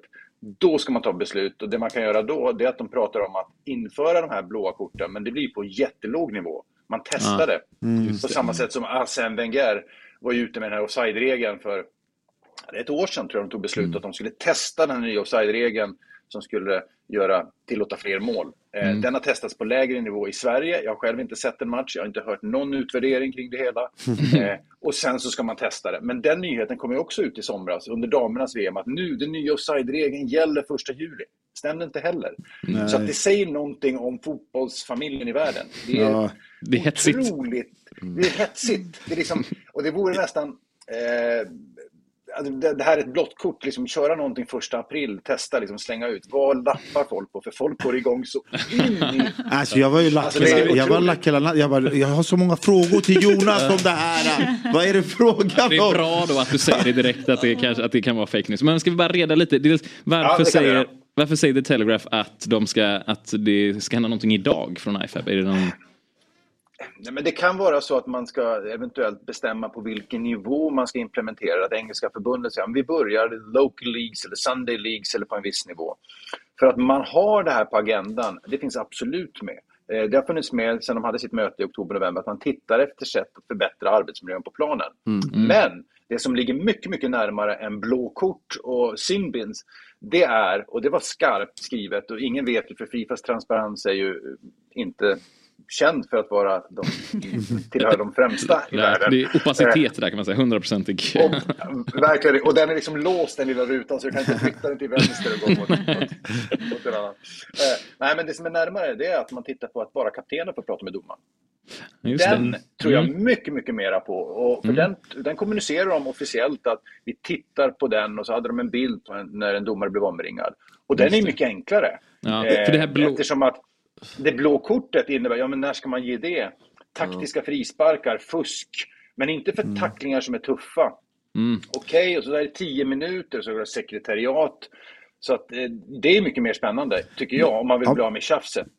Men eh, en annan spännande aspekt i det, det är ju hur man väljer kapten. Alltså för att nu, många lag väljer ju kapten kanske för att man är en stor person utanför plan i omklädningsrummet. Men man kanske inte är så verbal. Alltså, men om man ska liksom gå och diskutera med en domare, då, då kanske man måste välja Liksom förstår du? Att man tar någon, du är bäst på att Men kommunicera. brukar inte man välja kapten efter någon som också kan coacha laget på plan och så här, okej men nu får vi liksom börja Men- om, tänka om, samla laget, snacka med domaren. Ja men det kan ju också vara en som kanske bara skriker på domaren som hela tiden är lagt. Det var liksom så här, eller- Dåligt val av kapten skulle jag säga då. Nej men det, han hetsar, ja, jag vet inte. Ja, det, det finns ju olika typer, vissa är så här, det får ju bara vara liksom en som är liksom från staden. Ja. Och, du vet, Det här sådär. blåa kortet är nå- någon typ av hockey, liksom, i så fall hockeyinfluerat skulle man kunna säga. Då, med liksom någon sån. Ja, men lite så. Någon pratar om bandy. Nu kan jag bandy och den regelboken alldeles för dåligt. Och, eh, men jag, jag, jag hävdar, jag fick frågan igår, varför ska man ha ett nytt kort? Det finns gula och röda kort, det finns duktiga domare. Eh, ge domarna istället stöttning för att de använder det på rätt sätt. Det vill Ja. säga, om, om man vill bli av med att någon sparkar bort bollen, men ge gult kort för det. Mm. Eh, Jag är rädd att skulle man ge blå kort, tänk dig en viktig match, en Champions League, eh, en avgörande match. Du får ett blått kort, du spelar med 10 man sista 10 minuterna. Du får ett till blått kort på en annan spelare. Sista, du får det där 8 minuter kvar, du spelar 11 mot 9. Hur matchförstörande skulle inte de sista minuterna bli? Jo. Och vilken domare skulle våga plocka så att nu är ni åtta på plan. Nu är ni Nej. sju. Mm. Det är ju snarare ett sätt att helt- inte skydda. Precis, Borde det blir tänk, man tänker på så här, hockey, jag tänker på den här, uh, har ni sett den här hockeyfilmen Slagskott? Från 77. The Handsome. Brothers. Förstår du? Argentina, Brasilien. Alltså, varsitt utvisningsbås. Alltså hur skulle det se ut? Vilka Ja. bovar som hade suttit där alltså. Men det gör det nästan svårare bara för domaren då, alltså, skulle du säga? Ja, verkligen. Det finns ju, jag menar, att i en match när man spelar på resultat, till exempel en avgörande match, alltså en returmatch i Champions League, åttondel eller kvart, så eh, självklart samma regelbok ska gälla för alla spelare, man ska bli varnad, men att, att varna en målvakt för maskning, det ska man inte göra, det är underförstått. För gör du det i första halvlek, då har du ingenting kvar i andra halvlek. Mm. Du har inga möjligheter. För hur ofta har vi sett någon målvakt bli utvisad för sin andra varning? Förutom Michail Slavuta i, i Ljungskile mot Trelleborg när han fick två gula kort på 10 sekunder. Just matchen. Det, Otroligt. eh, det var en sheriffdomare, Mackan, som bara drog upp det två gånger. Han gjorde rätt, men det har vi Ja. aldrig sett. Så att, eh, tänk dig själv ett lag som du har två. Det skulle inte funka. Jag tror att den matchen skulle bli sämre av den här typen av regelbok. Så att, Hur eh, kan man, vad kan man göra åt det då, den här målvaktsmaskningen? Nej, men såklart, man kan, ju, vara- man, kan ju vara tydligare och vara på en sån diskussion. Men det handlar väl också kanske om att säga men vi kommer att bestraffa målvakter om vi, om vi anser att målvakten inte gör det. Och tydligt kommunicera, stötta de domarna som följer det, om man nu vill bli av med det, Mm. eh, på ett bra sätt. Det handlar ju också om att, vi vet vi har den här sex sekundersregeln eh, som sen den infördes 2000 har Ja. använts kanske vid 6-7 tillfällen i hela Mm. världen. Och de de är så enkla att räkna. Mm. Alla vet om att man får bryta mot regeln. Mm. Eh, och Fifa blundar och säger att tycker inte att det är ett problem. Och jag har inget problem med det själv. Det är inte så att jag sätter mig på en moralisk hög häst och tycker att det här är fotbollens största problem. Men när det står sex, det är en matematisk siffra. Vi kommer ju aldrig tänka oss att vi ska spela med 12 man på planen eller att avståndet på frisparkar blir 6 meter helt plötsligt. Men just den siffran Den är skriven, men vi skiter i den. Eh, se till att följa den istället, eller sätt 10 och var Ja, noggrann. ja. Skulle, skulle, vi, skulle vi blåsa av EM i sommar första fem gångerna en målvakt har det, då har vi inget problem längre. Då skulle vi slippa det runt om i Europa. Det är jag helt övertygad om. Jag tänker också så här för, för domare, du har ju varit domare på väldigt hög nivå. Alltså, nu har ju domarna fått lite mer hjälp med tanke på VAR och, och, och sådär. Men för en domare så måste det ju vara så här, man måste ju skapa en känsla i en match. Och det gör man ju liksom via att typ prata med spelare, lära känna spelare, lära känna stämningen. Jag tänker liksom att det här blåa kortet, det kommer ju liksom förstöra hela den biten av en domare. Han, jag tror att det kommer, eller tror du att det kommer bli svårt att liksom, Ja. i så fall kontrollera en match som en domare? För att, ja, jag tänker de kommer ju prata om så mycket annat än... Du, du har helt rätt. Det är exakt så det är. En bra domare eh, har ju sin egen personlighet, förmågan att prata med spelarna, titta på spelarna med arg blick, ignorera spelarna när de gnäller. Och ett gult och ett rött kort. Det är de disciplinära eh, som domarna har sen, sen VM 1970 eller sen 1967 när det infördes. Och det är ju fullständigt normalt. Vi är vana vid att ta dem. Eh, att lägga till blå kort eh, jag kanske inte är lika orolig för domarna på högsta nivå, för de har ändå generellt sett en bra känsla och kan hantera det. Men ge blåa kort till en mindre bra domare på lägre nivå, oavsett var i världen du nämner, så kan det bli väldigt stökigt. Vad är ett blått kort? Vad är ett rött kort? Vi bruk, ni vet, vi har domare som Mm. är kortglada i gula och röda kort. Tänk om ett blått kort, där det bara är 10 minuter. Herregud. Så ska vi veta att när ett lag blir färre än sju spelare, då bryts matchen. Så det innebär att om ett lag drar på sig fyra, eh, fyra, eh, fyra blåkort och så blir en spelare Mm. skadad om man har gjort sina byten, då bryts matchen. Och det är inte omöjligt att det skulle hända. För fusk och gnäll och liknande, ja det finns en hel del Men om vi vänder på det. Vad är fördelarna? Alltså så här, någonstans har de väl tagit fram det här för att de, vad, vad, eller, har vi, eller har jag missat att vi har pratat om det? Jag vet inte, Nej. men vad, skulle, vad är fördelarna med ett blått kort? Ja, men jag, jag ser att fördelen med ett blått kort skulle vara att bli av med det här lilla fusket när de liksom tar med sig bollen och går därifrån eller eh, försöker, för, försöker fördröja spelets igångsättande. Pang, tio minuter ut. Oj, det är en man färre. Nu, nu, vad ska vi göra nu? Och sen är det någon som drar uppenbart i tröjan. Och då är det klart att, att någon blir varnad i den 81 minuten ger ju inte ena laget speciellt mycket. Eh, Okej, Mm. han blir avstängd nästa match. Utan det laget som drabbas av att du har tagit bort en lovande anfall kanske skulle må bättre av att spela 11 mot 9. Så det är klart, det finns ju en filosofisk tanke med att, eh, att man, man som lag får ta del av bestraffningen just där och då, inte kommande match. För vem möter de då? Jo, de möter de ett annat lag och då är de avstängda, men man spelar med 11 spelare. Samtidigt vet ju ni om, ni vet ju om som tittar på fotboll, det är väldigt sällan en match 11 mot 9 eh, blir bra, eller en tidig utvisning Mm. 11 mot 10. Det blir ju sällan bra, för ett lag hamnar ju i ett försvarsläge eh, Mm. och matchen blir helt annorlunda än vad man hade tänkt sig. Så det är sällan att det blir bra matcher. Hockeyn Mm. 3 mot 3 på övertid. Jo, det blir öppet, det blir roligt, men det är fan inte hockey man tittar på då. Om man, annat. tittar, om man tittar lite längre fram, att så här, vad tror du kommer bli nästa tillägg på regel, eh, oavsett vilken regel det är, om man tittar 10-15 år framöver, alltså som fotbollen har förändrats 10-15 år tillbaka, vilka regler tror du skulle kunna vara aktuella att ta fram eh, inom en längre framtid, eller som Mm. kommer komma? Ja, men jag, jag tror faktiskt att det här med att bara kaptenen får prata med domaren. Jag tror att den är så enkel att genomföra. Om man ska, när man tänker fotbollsserie ska man tänka att det ska funka i Champions League och det ska funka i division 7 i, i den lokala serien. Och det är väl ganska enkelt. Den enda spelaren som har en armbindel får prata med domaren. Alla andra får inte Mm. göra det. Du- Ja, Eh, Egentligen, den är, den är matematisk, enkel, statisk. Den går inte att misstolka. Jo, det gör den. Det kommer finnas någon domare som varnar när någon frågar hur många minuter är det kvar? Och så får man ett gult kort för att man snackar. Det De, de kommer alltid att finnas. Ja. Men, men jag tänkte, alltså av, eh, nu har ju du slutat så här, av, av alla lag som du ändå har eh, dömt och så här.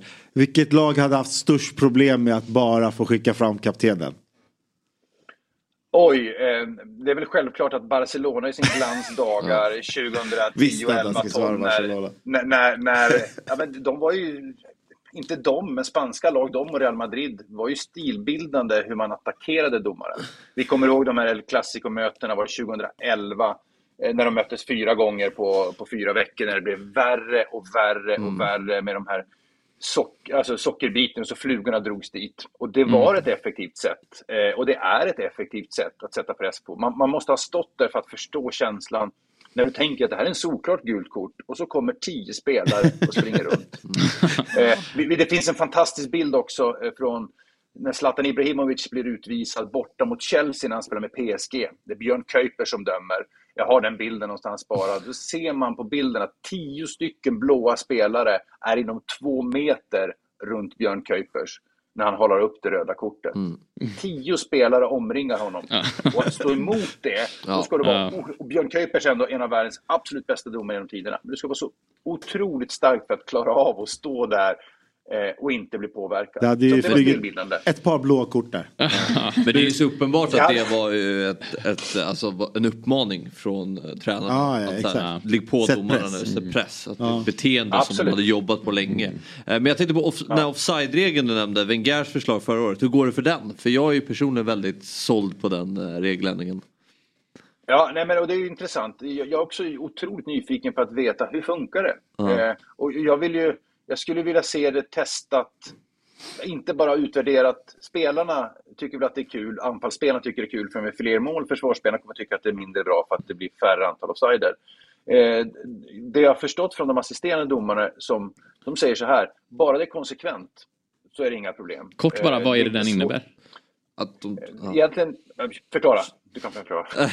Nej men det är väl om du har bara en, eh, en tåspett onside så är det onside. Så man vänder om. Ah, det är, ah, okej, så det måste helt vara offside. Ah, fattar, fattar, fattar. Just det. Mm. Kroppen måste Men vi måste tyvärr snart lägga på. Men du hade någonting du ville fråga? Nej det var just det. Ja, Det var ja vi vill ha den ja, utvecklingen där om, om eh, Wenger. Tråkigt Ja, att vi måste lägga på snart. Nej, men Wenger, jag tror så här. Det, ska, det har utvärderats. Jag har inte sett någon utvärdering ännu. Fifa och Uefa och andra internationella förbund, när de utvärderar sina egna verksamheter, har en tendens att ha ord som fantastiskt, eh, banbrytande, extremt bra. Eh, men, men jag vet inte riktigt hur det funkar. Jag tror inte man kommer att genomföra den. Jag tror att man kommer att hålla kvar vid eh, Genom historien har Fifa visat att ibland, vissa tester gör de för att lugna människor.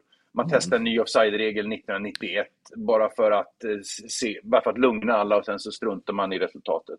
Eh, Så att eh, jag tror inte den kommer att genomföras. Framförallt finns den inte på agendan nu i Nej. mars. Så det innebär att det är minst ett år bort, eller ett och ett halvt år, för då är det sommaren 2025 som det som tidigast är aktuellt att göra någonting. Jag är nyfiken på några grejer. Har du någon sån på rak, alltså den här eh, tröjdragningen 81 Har du på rak arm någon typ av regeländring eller någonting som skulle kunna göra att den, ja, att det lö, blir, blir löst liksom? Egentligen inte, annat än att, eh, att det är den typen av fusk eh, ger ett gult kort. Eh, det har den gjort tidigare, det gör den fortfarande. Det där lilla fusket att taktiskt sett utnyttja regelboken, den kommer alltid att finnas. Mm. Det ser man Mm. genom fotbollshistorien. Hur man än skriver om regelboken så finns det en tendens att de som finns på andra sidan, alltså spelarna, är som brottslingar i samhället. De är steget före polisen och spelarna är alltid steget före domarna. Och det hör väl till lite? Ja, jag tycker det, det, Det lite, det finns en liten charm i det där.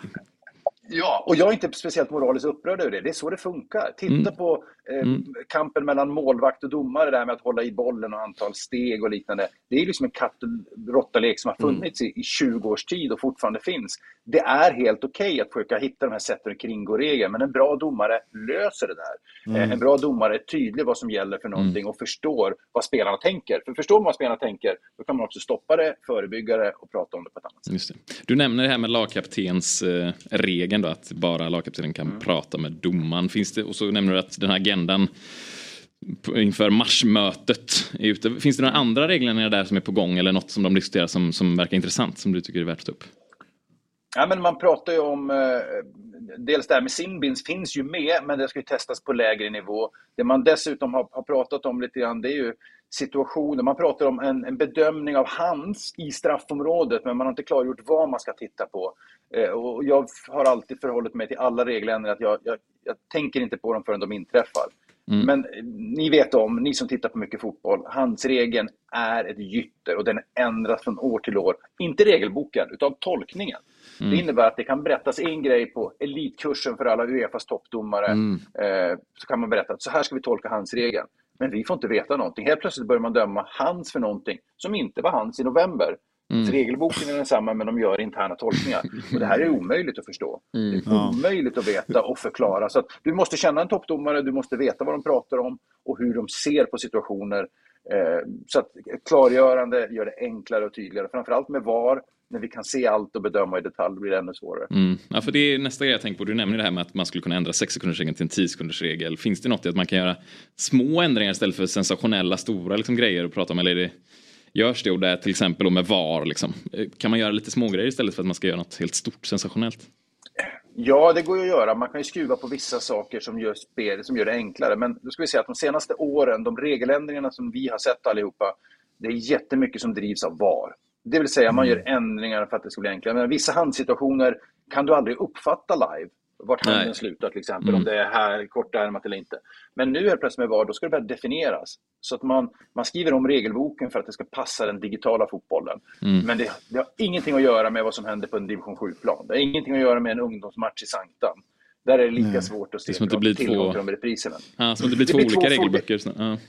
Exakt, och det är det fotbollens styrka har varit. Vi har samma regelbok. I den lägsta divisionen på Seychellerna som i den högsta i Sverige så är Mm. det samma regelbok. Men nu börjar det där gå åt olika håll. Och Mm. det tycker inte jag är speciellt bra. Jag tycker kraften finns i att fotbollen ser likadan ut, tolkas på samma sätt. Det är styrkan. Det är det som håller ihop fotbollen på, på en global Två frågor kvar har vi nu. Ja, Saberia, en men jag, jag har, jag har haft en fundering länge och det är så här, eller jag tänker så här, vad tycker du om att utländska domare dömer andra ligor som inte är ens inhemska? Tycker du att det är positivt eller? Nej, men jag har ju själv eh, rest runt och, och gjort det i Kazakstan och Egypten och i Kina och i Qatar och i Saudiarabien och Cypern och en rad olika länder. Eh, som utveckling och utbildning är det fantastiskt, men det får aldrig ta fokus från din nationella liga. Så att jag reste nästan uteslutande när vi inte hade säsong i Sverige. Eh, det är en fara. Åker du som svensk domare till Grekland och dömer match mellan två grekiska lag, då kanske du inte kan döma dem sen i Europa League, i Conference League eller i Champions League såklart. Så det finns sina nackdelar. Eh, men jag, just nu har vi inte det i systemet, det är vissa länder som bjuder in domare för att situationen är så infekterad. Eh, Mm. Som utbildning, perfekt. Det är bra ibland. För ni vet, det är dags för Stockholms derby.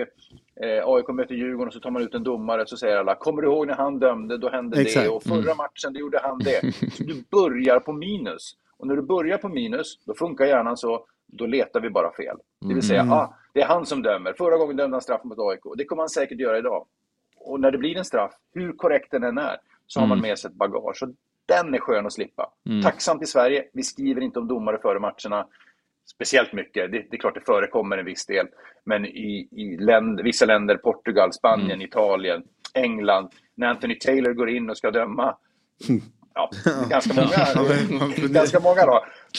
Det, det, Ja. så, så är han smittad när matchen börjar och det gör det svårare för alla domare. Det, det vore bra att undvika.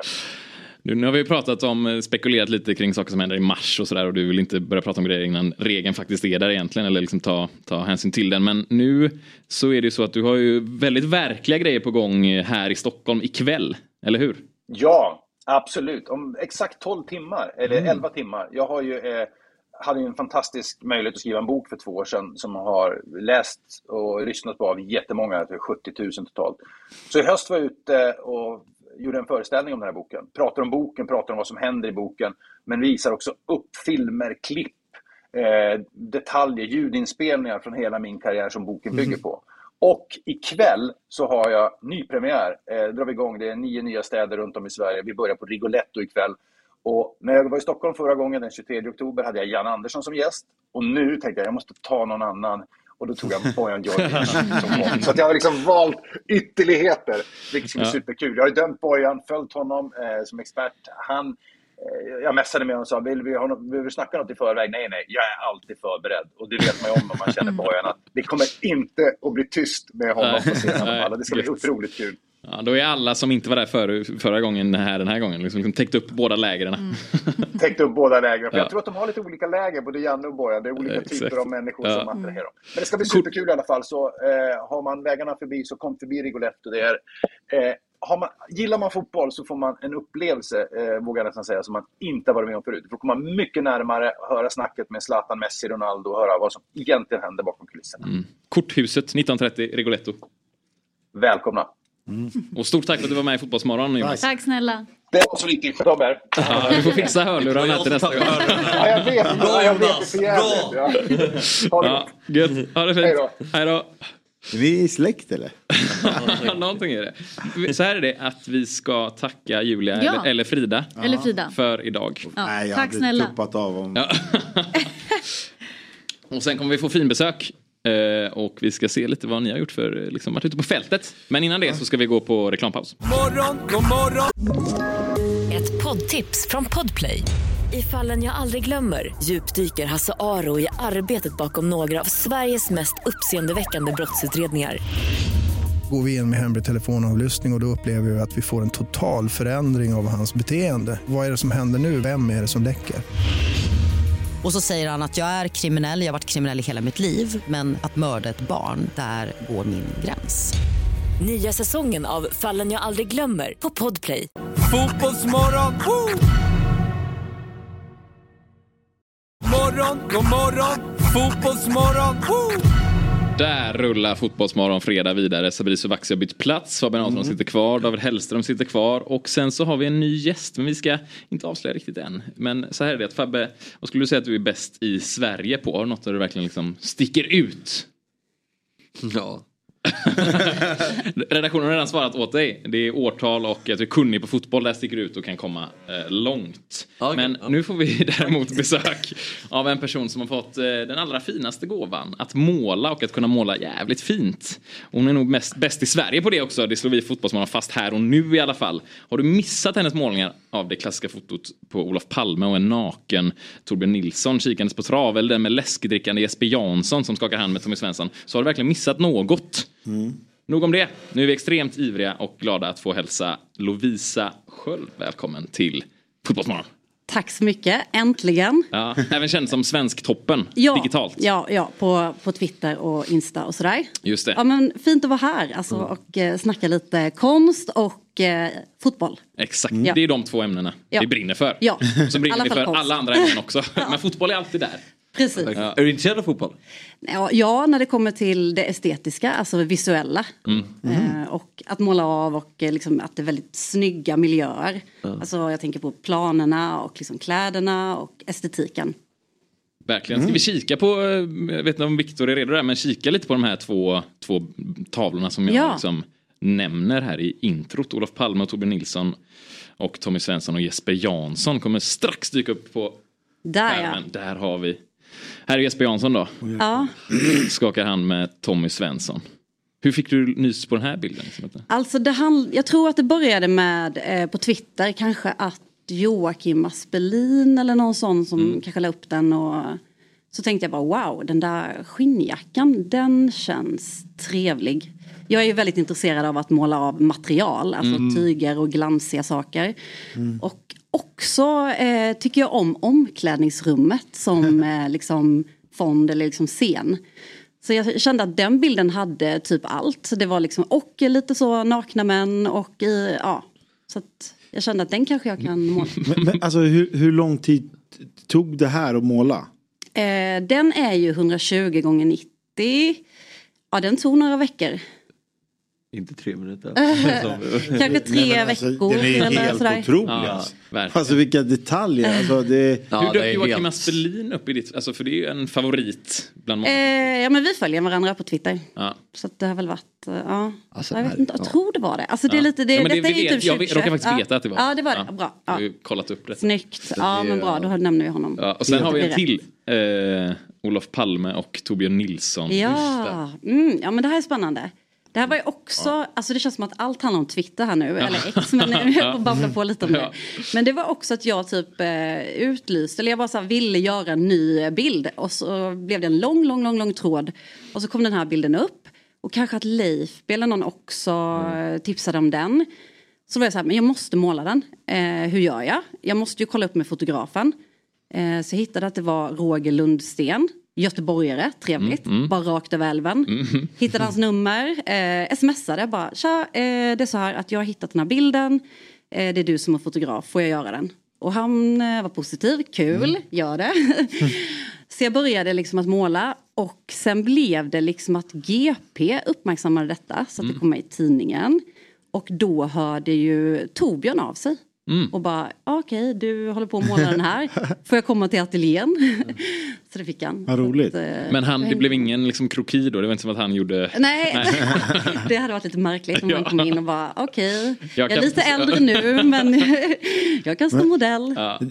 Du är ju helt galet talangfull. Men det är, alltså. ja, det jag vill, ja, vi har ju också målat, eller alltså, jag vill inte ens säga måla, jag vill inte kladdat, kluddat. Men alltså så här, hur tidigt liksom upptäckte du att du hade en talang? Jag menar, så här, vissa som är bra på fotboll, man bara, "Ja, men han började sparka när han var ett. Alltså ritade du liksom så här Eiffeltornet när du var två? Eller, alltså, så här, Eh, nej, alltså jag gillade att teckna och sådär men jag började måla med olja alltså när jag var, det var kanske när jag var 30. Alltså det var typ, in, ja jag har inte hållit på så länge. Mhm. Men jag har alltid varit intresserad liksom att rita. Mm. Men måla började jag sent i livet. Men hur var du i bild i, i skolan då? Jo men det, där var jag bra. Ja. Hö, högt betyg. Ja, högt det var jag betyg. faktiskt. Men, Högsta. äh, högsta betyg. Ja, han behöver inte vara blygsam här nu. Vi kommer komma in mer på det. eller du- Jag bara vad, är det, vad är det för bild? Alltså, vilket sammanhang är den tagen ifrån? Alltså originalbilden? Ja, ja. Kolla på trav eller? Den är, ja precis. Nej men eh, bakgrunden är att eh, IFK spelar mot Öster. Eh, detta är nog 85, augusti kanske 85. Mm. Och eh, Palme är på besök i stan. Eh, alltså med något politiskt uppdrag och blir inbjuden att kolla på matchen. Och sen eh, när matchen är klar, jag tror att IFK vann, så går han in och ska väl eh, hälsa på spelarna. Och eh, då sitter Torbjörn där och kollar på travet för att han har väl bettat på någon häst eller vad det heter. Ja.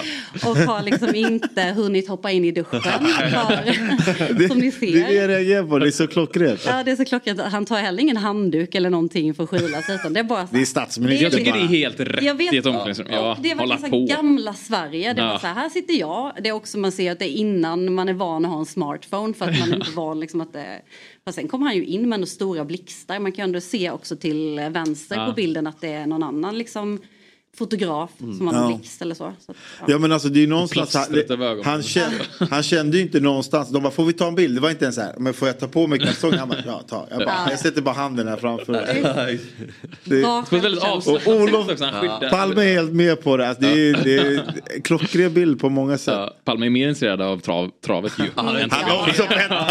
Han har inte ens noterat. Han bara jobbar sjuan. Men du, vi ska vi gå in lite, vi touchade lite där med fotbollen, men Mm, hur, mm. hur, hur är din relation till fotbollen? Liksom? Ja men den är väl okej Ja. skulle jag säga. Ja. Eh, jag är från Värnamo så att där har vi ju IFK Värnamo. Det Mm. går ju Mm. ganska bra för dem nu eller? Jättebra. Ja, jättebra. ja. Verkligen. Eh, men jag har själv inte spelat utan det har varit, Mm. eh, jag har närmat mig liksom fotbollen genom måleriet. Ja, så Så du följer liksom inte Värnamos Nej, resultat? nej jag, bara, jag bara ser ju ibland och blir glad att det, att det funkar. Att Mm. det lirar. Yes. Och eh, nu bor du i Göteborg. Ja, Ja. precis. Men du är på besök här i Stockholm precis. för att det är utställning. Ja, eh, det, Liljevalchs eh, vårsalong har jag med två målningar. Så då var jag där igår kväll. Det var lite så smygpremiär Mm. för alla som deltar. Och så utställningen öppnar idag för allmänheten. Så det Och hur länge pågår den? Till 21 april. Ja, men då har man gått en Ja, tid så på man har gått om tid Ja. att gå dit. Det var väldigt mycket bra konst. Måste Är det liksom idrottskonst också då? För Eh, dina en två? målning Mm. eh, har tennistema kan jag säga. Mm. Jag har med två målningar. Mm. Så en har lite båttema eller färgtema, färja. Alltså Ålands, Ålandsfärjan kan man säga. Mm, ja. Och sen en tennistema. Så att, mm. Vad fick dig att liksom komma in på det här idrottstemat? Du säger att det är liksom estetiken och så. Mm, när när mm. upptäckte du det? Att det här är något?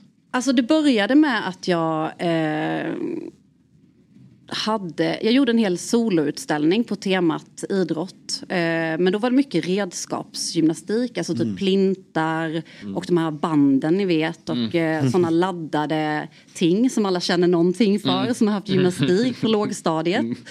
Eh, och sen så var det liksom att jag hade män i min eh, ja, men, bekantskapskrets som höll på med idrott. Så då gjorde jag lite så här en serie på män och eh, misslyckande inom idrott. Så jag Mm. liksom gjorde män som låg, en fotbollsspelare som låg ner på gräset och var liksom ledsen typ.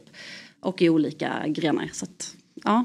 Jag, jag tänkte på, vi fick en bild, upp en bild där på um, ett TIF-arrangemang. Hur, hur följer du den kulturen och kan du vara imponerad Ja. över den? Ja. Alltså Mm. jag fattar inte, hur går det till när man gör de här? Kan ni förklara det? Mm, för det ska vi komma in på Ja. också. Ja, hur det är Ja. med typ. Jag ska bli nyfiken på, du sa att du hållit på sedan du var 30. Nu vet inte jag exakt hur gammal du är. När Jag är 38. Målat, ja, målat med olja, och då Olja liksom då. de här ja, verklighetstrogna bilderna. Innan dess gjorde jag lite andra grejer. Alltså Mm. höll på liksom mer med film och foto och liksom. Ja. Men, nej, för jag var inne på din Instagram och kikade lite. Och du vet, jag, var så här, jag, jag, jag kunde inte skilja på vad som var ett foto och vad som var som du hade. Alltså det är helt otroligt. Jag är helt fascinerad. Jag vill absolut, Ja, hur gör- men jag hur vill gör inte man? visa mig. Ja, Hur gör men man för att lära sig men det, liksom, Kan man, hur? alltså så här, bara, bara så här. Är det så här, föds man med den här talangen eller kan jag nu också bli lika duktig som dig? Okej, Skrattar, skrattar du? Du fatt- Eh. Förstod du min fråga? Men, ja, och jag tror så här att du måste först och främst ha passionen, alltså intresset. Mm. Och sen eh, lite talang, men jag menar det är också som allt annat, att man lägger ner väldigt mycket tid på det, alltså många timmar. Eh, så en kombination av talang och eh, passion. Liksom. Mm. Och så lär man sig olika tekniker. Och liksom Ja. det finns, ja. Du måste ju liksom vilja göra det varje dag. Mm. Ungefär. för att ta en kurs. Ja. men, men som Fabbe är inne på lite där tifo och du säger att du är imponerad av det. Ja, kanske kan, få vi se någon ja, kan bild få upp så en jag bild får där, för- titta lite? För det pratas ju mycket om, om tifon liksom, och de är så satsiga nu. eh, Ja. Mer och mer liksom. Och eh, att det faktiskt är liksom konst. Och, ja, här ser vi Blåvitts dag när natten är som mörkast i gryningen nära och hela motivet. Men vad är det för material? Alltså är det någon duk? Är det som någon, vad är det, Mm. tyg? Ja, det är väl en tyg skulle vi tro. Ja, jag, jag, Tyg, jag, som också att det är Ja. stora, stora lakan. Ja. Stora lakan. Men, I, I princip. Ja. lite Eh, hårdare. material. Men är det liksom företag som trycker upp dem eller är de, hur funkar Nej, det? de är handmålade. De är handmålade. All, allting är handmålat. det är, de här, det är liksom är- tifogrupperna för lagen som Ja, ja, ja. fixar en stor lagerlokal någonstans. Och Ja. så liksom, Just ja. det. Och så har de typ jobbat efter de ut. rutmönster eller sådär för att få upp det i skala. För det är också Mm. Men- imponerande. Alltså, ja, det jag tycker vet jag. faktiskt inte hur, exakt hur det är. Vi skulle ju haft med en tifo Vi hade en tifo-expert här för några månader sedan. Mm. Ja, gjort men en hel- bok. Ja, exakt. Mm. Ja, ja, exakt. Som följde dem som Ja, ja, ja. gör det här. Då. Vi vill ju ha någon som utövar själva liksom, eh, måleriet. För att Ja. det är ändå målat eller? Ja men Ja, det är många, det är Ja. många, de är många som liksom så här, alltså det, det är väl några som bara ritar upp liksom och sen är det några som går och färgar i. Men det är många som är med där och liksom hjälp, hjälper till och det är väl inte så här. Ja, det är ju från grupp till grupp ändå. Ja. Alltså, vissa är ju färre och vissa är ju fler. Men det är imponerande tycker Ja, du? alltså det, är, det, det är inspiration av den, en känd målning med den här vågen. Nu kommer Ja. inte ihåg vad han som gjort Ja, den. Eh, men det var väldigt snyggt. Och få in liksom skeppet och För- kikar du mycket på när det dyker upp så här på Twitter? Får Ja. du upp tifo-grejer också Ja, då?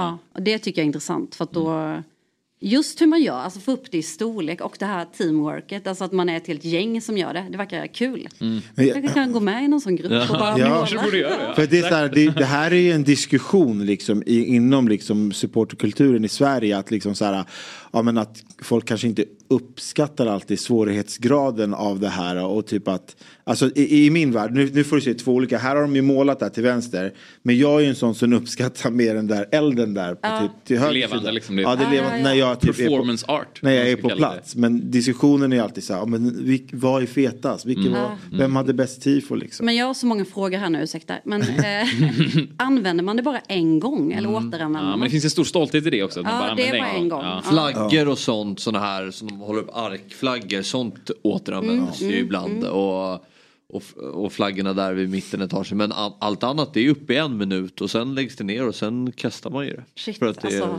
det finns ju Men ingen sparar man det eller kastar man det? Nej, ja, nej, För det vore ju nice att ha ett någon typ av museum, alltså där, att, att det Ja, finns kvar i alla fall, man inte använder det på Ett match stort igen. museum. Om det ska liksom få plats alla stora väggar. Ja, men i slutet av varje säsong kanske man skulle ställa ut på arenan och så bara liksom Ja, raddar man ja. upp motiven runt hela läktaren. Visst. Kunde vara något. Men det, är- alltså K, K special, eller i alla fall SVT Kultur har gjort ett specialprogram om tifon där man ställer sig Mm. frågan då om det, liksom, om det är konst. Ja. att det har inte riktigt den statusen och det är alltid lite svårt för idrott över, överlag att få liksom, respekt bland kulturmänniskor. Men, men vad skulle du säga då? Du som får, nu, får du, nu får du representera kulturmänniskor Ja, här. jag tycker absolut att det är konst. Såklart. Alltså det är jättemycket så planering kring tema och liksom samarbete och genomförande och visa upp det. Alltså det är absolut, ja, det är konst. Mm. Om du fick arrangera ett sånt här, liksom, hur skulle du, nu är du väldigt på rak arm då, men Mm, det skulle ju vara då någon slags, eh, jag gillar ju glansiga material som det skulle vara med i. ja. Och nej, men sen skulle det kanske vara någon klassisk idrottsbild, jag vet inte. Ja, Alltså, har det känns mer man- verklighetstroget? Eller liksom Nej, men det, det, jag tycker de är verklighetstrogna. Men det är så svårt att få upp det i skala, tänker jag. De måste jobba med, jag är imponerad. Jag gör ju Ja. liksom, mina målningar är inte så stora, så jag blir alltid så här, hur? Men har du ett sug efter att göra lite större grejer då? Jag Så har finns gjort en stor målning i eh, Partille, en stor som var fem gånger tre meter. Mm. Så att den tog två veckor att göra. Men då var det liksom, ja, lite, lite, bakgrunden var lite enklare och sen var det detaljer liksom i förgrunden. Ja.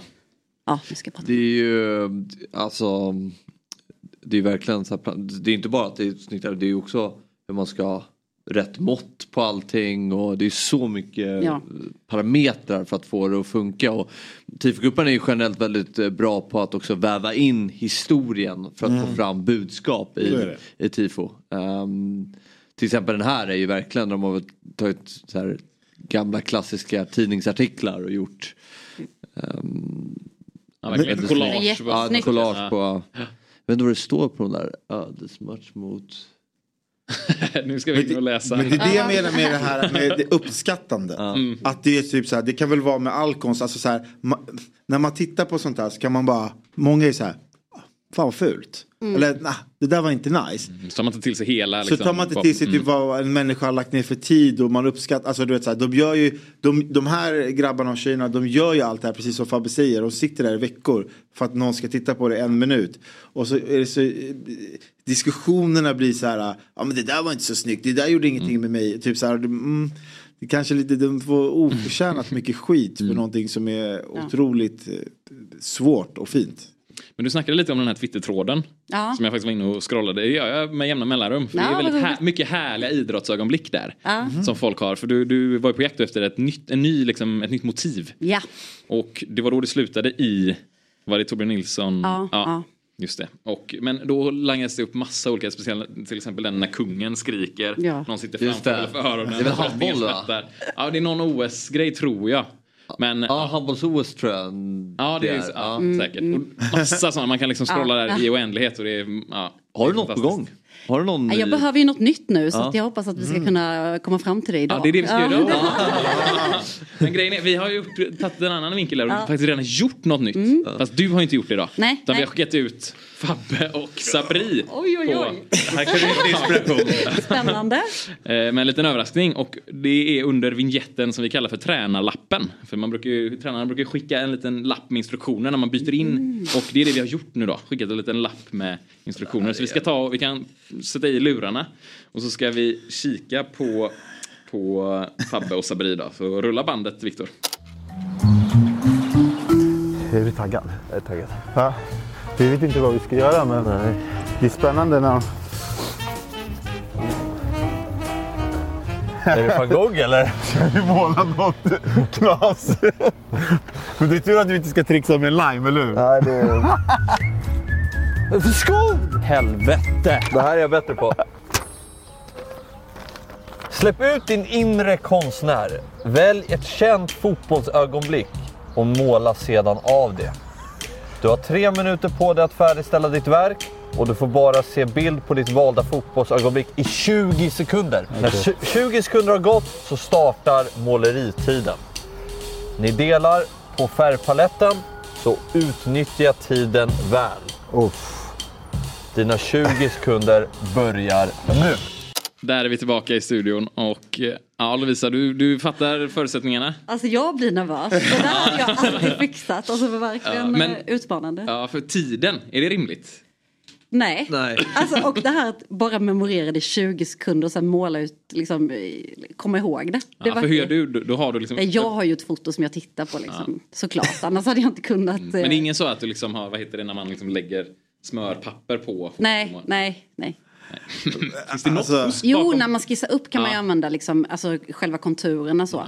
Men sen, sen måste man ju liksom, jobba med känsla. Mm. Ja. Ja men det här var ju otroligt eh, stressande. Sen det, det, det, det, är också minus 20. Alltså jag, jag förstår inte hur Fabbe sitter utan jacka.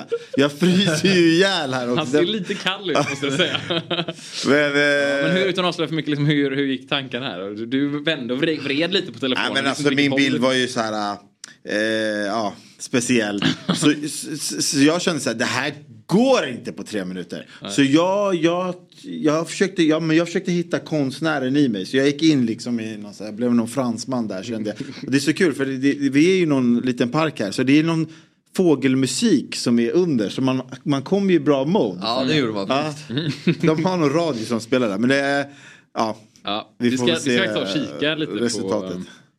på, på hur, det, hur ni utförde det här. Fy fan vad svårt det här var. Ey, je m'appelle oui, oui, oui. Fan, jag gjorde fel direkt. Ey, hur tolkar man? Fan, de, de blir, penseln blir små. Vad har det gått? Jag blir så stressad av det här. Det blir ju en kuk. Nej men det här går inte alltså. Det här går inte. Varför tog du den av? Fel färg! Nej, det här gick inte.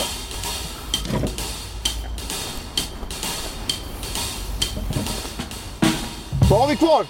Det här är eh, Picasso-touchen ni vet. Alltså det här är... det ritar så fult Fabbe!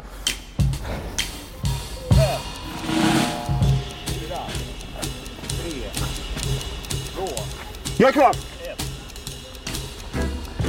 Jag, är klar. jag var klar för- före Fabbe. Jag kan säga så här, det är inget som går upp i världen när jag dör i alla fall. Eller så är det det det gör. Nej, det här är det svåraste jag gjort tror jag. Jag fick en rätt bra start. Och sen gick det helt... Har du använt vit?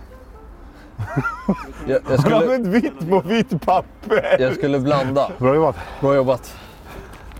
Låt bästa man vinna. Eh, men det låt bästa konstnär vinna.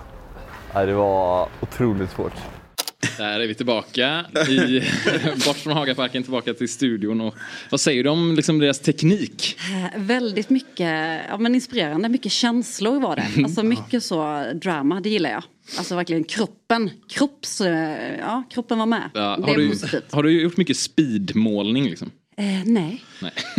men jag blir sugen nu Ja. när jag såg det här. Ja. Det kanske är mitt nästa projekt. jag, jag hade velat se dig göra samma uppgift. Ja, för faktiskt. att se var, var du skulle hamna någonstans. Ja. Eh, Men jag hade inte kommit någon vart för att eh, jag är så Nej. långsam. Så att, eh, jag tror att det här är bättre. Jag tror att ni är mycket bättre. Nej, men det, var ju stressande när jag liksom drog liksom det första strecket fel. Alltså så här, åt fel håll. Så jag bara, hur rättar man till det här? Nej, men det är bara, då måste, det är bara att fortsätta Nej, måla. Fabbe började måla med vitt. Som Tippex. Men Fabbe också, alltså vi hade ju samma den här målar och han blandade så mycket för så när jag skulle ta grönt, jag bara den här har blivit, den här är ju orange nu. Alltså, alltså, det, alltså, alltså, det var ju bara att köra. Det är ingen tid att tänka. Det var din taktik, va? jag sabbar för... Färgerna var helt annorlunda efter en minut. Fabbe hade ju grävt i allt liksom. Ja, jag är spänd nu på resultatet. Ja, men jag du är det. ja. Jag måste bara fråga, har du också en sån liksom, färgpalett? Ja, ja, det har man. Mm, Men, Men- olja på, det här var inte olja, det här var Nej, väl... det här var gouache såg jag att det var va? Ja. Ja, nej, men, eh, Ica Maxi typ. ja men grejen är att man kan ha såna i papp nu som man river av liksom. Så det är som en Mm. palett i formen men man river av för att man liksom lägger på nytt och så. Just det. Så slipper man det här geggandet. Mm. Men du är spänd på att se resultatet? Ja, därför jag tycker, alltså, Men eh, hon ska väl betygsätta oss? Ja, det kommer du göra. Alltså, det är så här att vi kommer visa upp tavlorna där och sen så kommer vi se om du kanske kan gissa vad det är för eh, fotbollshändelse. Mm. Det kanske kommer vara svårt. Ja. Det är inte bara det som avgör vem som vinner, för det är en duell och du, Ja, du är domare. ja. Ja, jag det är också då men hur verklighetstroget och, och lite sådana grejer. Du får ta in lite konstnärliga Yes. aspekter av det. Men först ska vi bara vi ska se tavlorna. Fabbe, du kan börja. Hålla upp din tavla här. Ska jag, för jag, alltså jag vet ju inte heller Fabbe. Nej, kan... Något har ju hänt med det. Någon har ju klottrat på den här efter. Ser du vilken det är? Det ser, ut- det, ser, ut- vet du, vad? det ser ut som den där, äh, är det den där äh, hästen i Troja? Nästan. Vad, vad tror du det är Lovisa? Oj, eh, det känns ju som att det är gräs vi jobbar på. Ja, eller? Eh, solen skiner. Mm. Det är en mycket... Solen är, har jag adderat själv. Någon oklar Det, någon slags, det ser ut som att det är slagsmål. Ja, men Kan du är det något på, det? du är Det något på någon spåren. slags... Eh, Nu ser jag! Säg vad det är då. Säg vad det är om du vet vilken det Ja, är. du, du är Materazzi. Materazzi. Ah, ja, ja, okej. En skall, den ja, okej. En skall. vi har en bild, Ah, vi har en bild bakom dig där eh, på skärmen. Exakt. Det är, Det är alltså väl det viktigaste? VM-finalen Att- att 2006. budskapet går Alltså fram. det, den eh, Zidans kanon. skalle i Marco ju- Materazzis bröst. Kanon också! Jag gillar det här blåa också. Alltså, liksom, man får in... eh, Ja, men den är ganska, om du håller på den för kameran igen så kan man se den. Ja. Är det inte lite alltså, konstnärligt på något Jo, sätt? Att det är som en stor visst. demon bara, visst, den blåa? Visst, visst. Väldigt. Alltså, den känns symbolisk. Ja, den ska förmedla... Det är väldigt mycket... Var är det vita? Jag vill se det. Alltså, Varför använder också, det, det röda. inte vita.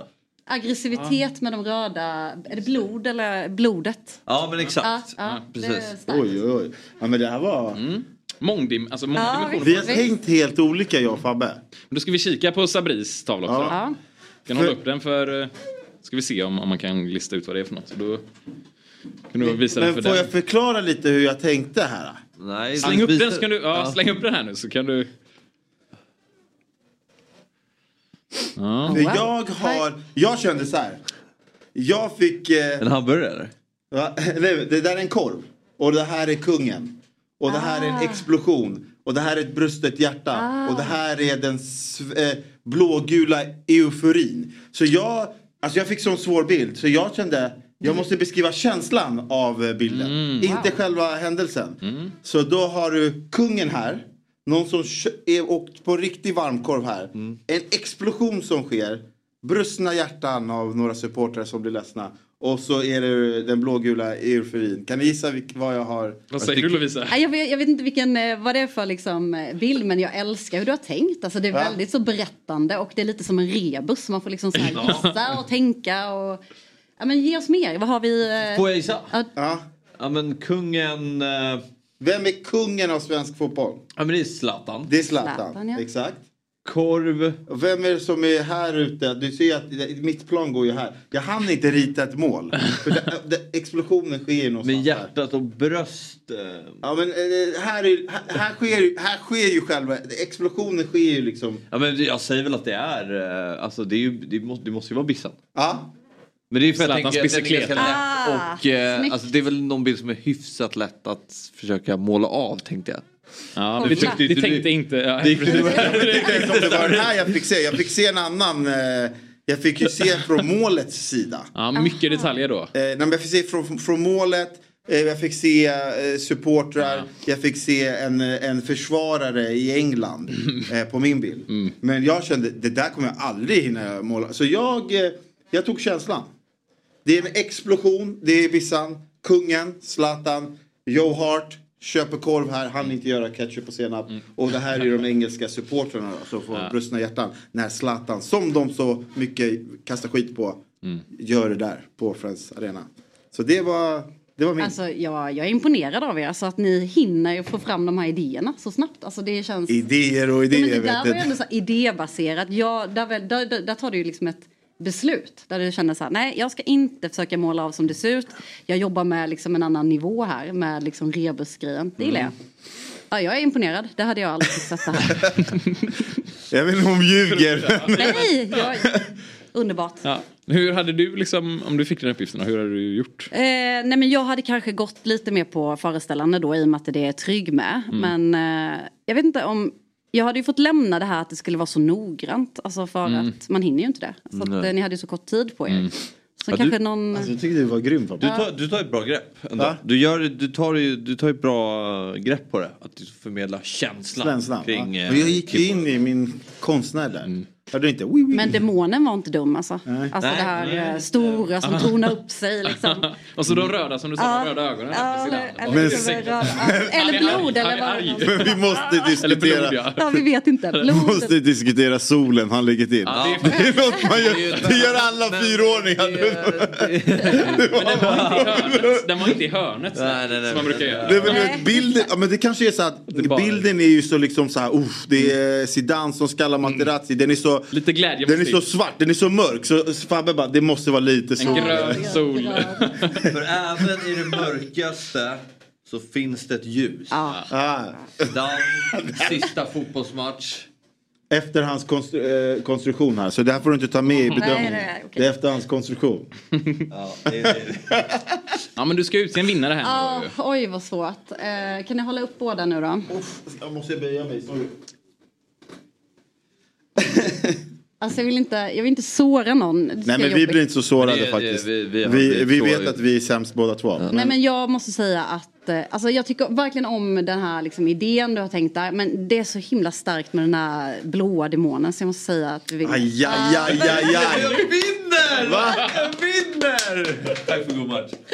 Men bra kämpat. Men jag har ju använt mer färger. Du gillar ju... Nej. här Men jag skulle vilja säga att båda är vinnare. Ja, båda är vinnare. Nej men Herregud. Fabbe, Men du, du jag låter genuint imponerad här. Ja, Det är någonting i det. Jag ser, jag hör att ja, du är genuin ja, här. ja, jag tycker att det är dags för er att börja måla mer på fritid. Ja, ja, plocka upp det här nu. Alltså, Men hur är det Ja. att tävla i konst? ja, det är ju svårt. Ja. Men eh, Sibylla vårsalongen är ju en tävling. Ja, det är Att så. man, eller inte en tävling, men man får ju, det är väldigt många som ansöker. Mm. Och sen är det en jury som väljer ut utan att de vet vem det är som har ansökt. Mm. Så att de får bara bilderna. Just det.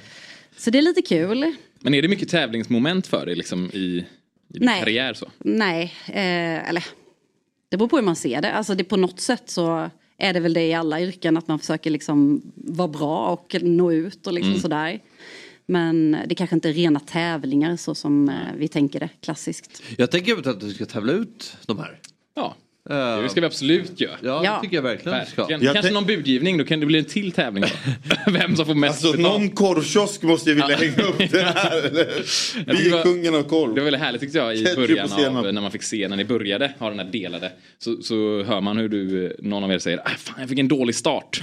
Tänker du ofta så när du liksom att det, ah, nu fick jag en dålig start, skit också. Eh, ja, ibland. Och, men då måste man ha tillit till processen. Att liksom våga vara kvar i den i några veckor. Eller någon vecka. För att det kan bli bra på slutet. Mm. Alltså när man börjar med någonting när det bara är en ren canvas, alltså vit duk. Då är det ju ångest. Mm. Men eh, Är det några gånger du har fått fimpa någonting helt efter typ halva tiden och kände det här, det blir fel här? Eh, någon- här. Ja, någon gång, men ofta försöker jag reda upp det för Ja. att det är så mycket tid som går förlorad annars. Om jag, inte Ja, liksom, jag kan inte bara så här lämna utan jag måste säga, nej men det här måste jag försöka jobba med. Alltså ändra bakgrunden, lägga till något, ta bort något. Eh, ja. Någon av de här bilderna skulle kunna vara potentiellt nästa... ja, det kan det vara. Men alltså så här, Fast då- lite ja. talang hade vi. Jag kanske ska måla av de här tänker jag. Ja, det ska vara den mitt här, nästa ska vi ta meta. en bild nu? Ja, ja, någonting. Ja, de här. Ja, de här två ska De är med Ja. i bilden Ja. och sen, eh, ja. Det vore något alltså. Det vore verkligen något. Vad... Men det, det var en rolig utmaning. Ja, Alltså, och, och, och jag kan säga så här, någonstans trodde man ju att man var bättre på, på mål. Eller alltså så här, man, lite hybris eh, kände man väl. Men sen bara, shit vad då? Alltså jag ritar så, eller jag målar så fult. Mm. Eh, men, men det var kul. Men det var ju stressigt att det var tre minuter. mm, var kanske och så stod de där och bara, två minuter, en minut. Då blir man ännu mer, då man, man blir så stressad. Men grattis till Fabbe.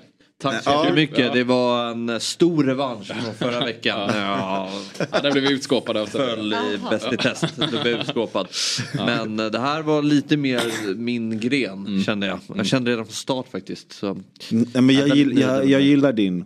För man ser ju faktiskt vad det är. Så det, det är, ja, grymt. Innan vi eh, lämnar det här så är jag lite nyfiken på vad du ser mest fram emot med helgen.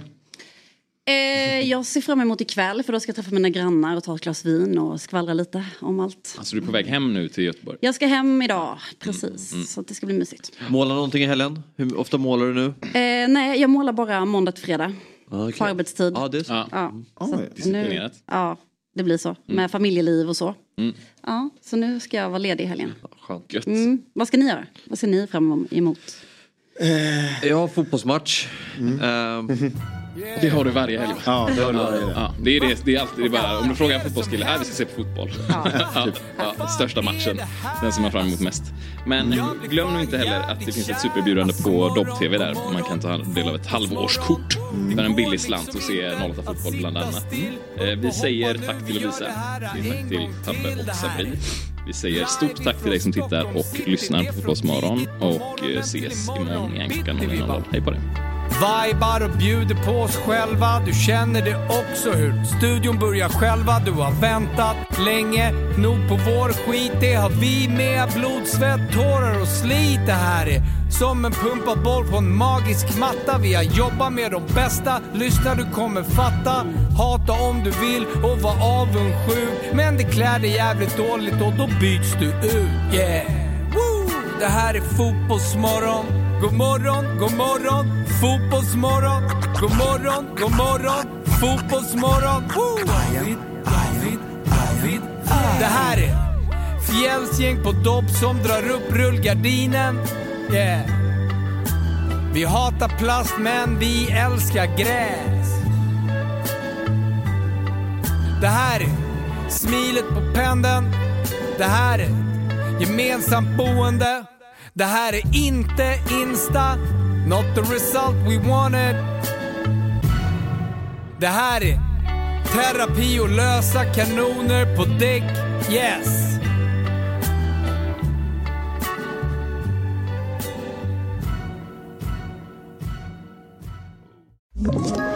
Ett poddtips från Podplay. I podden Något Kaiko garanterar östgötarna Brutti och jag, Davva, dig en stor dos skratt. Där följer jag pladask för köttätandet igen. Man är lite som en jävla vampyr. Man har fått lite blodsmak och då måste man ha mer. Udda spaningar, fängslande anekdoter och en och annan arg rant. Jag måste ha mitt kaffe på morgonen för annars är jag ingen trevlig människa. Då är du ingen trevlig människa, punkt. Något Kaiko, hör du på Podplay. Därför arkadeinerna.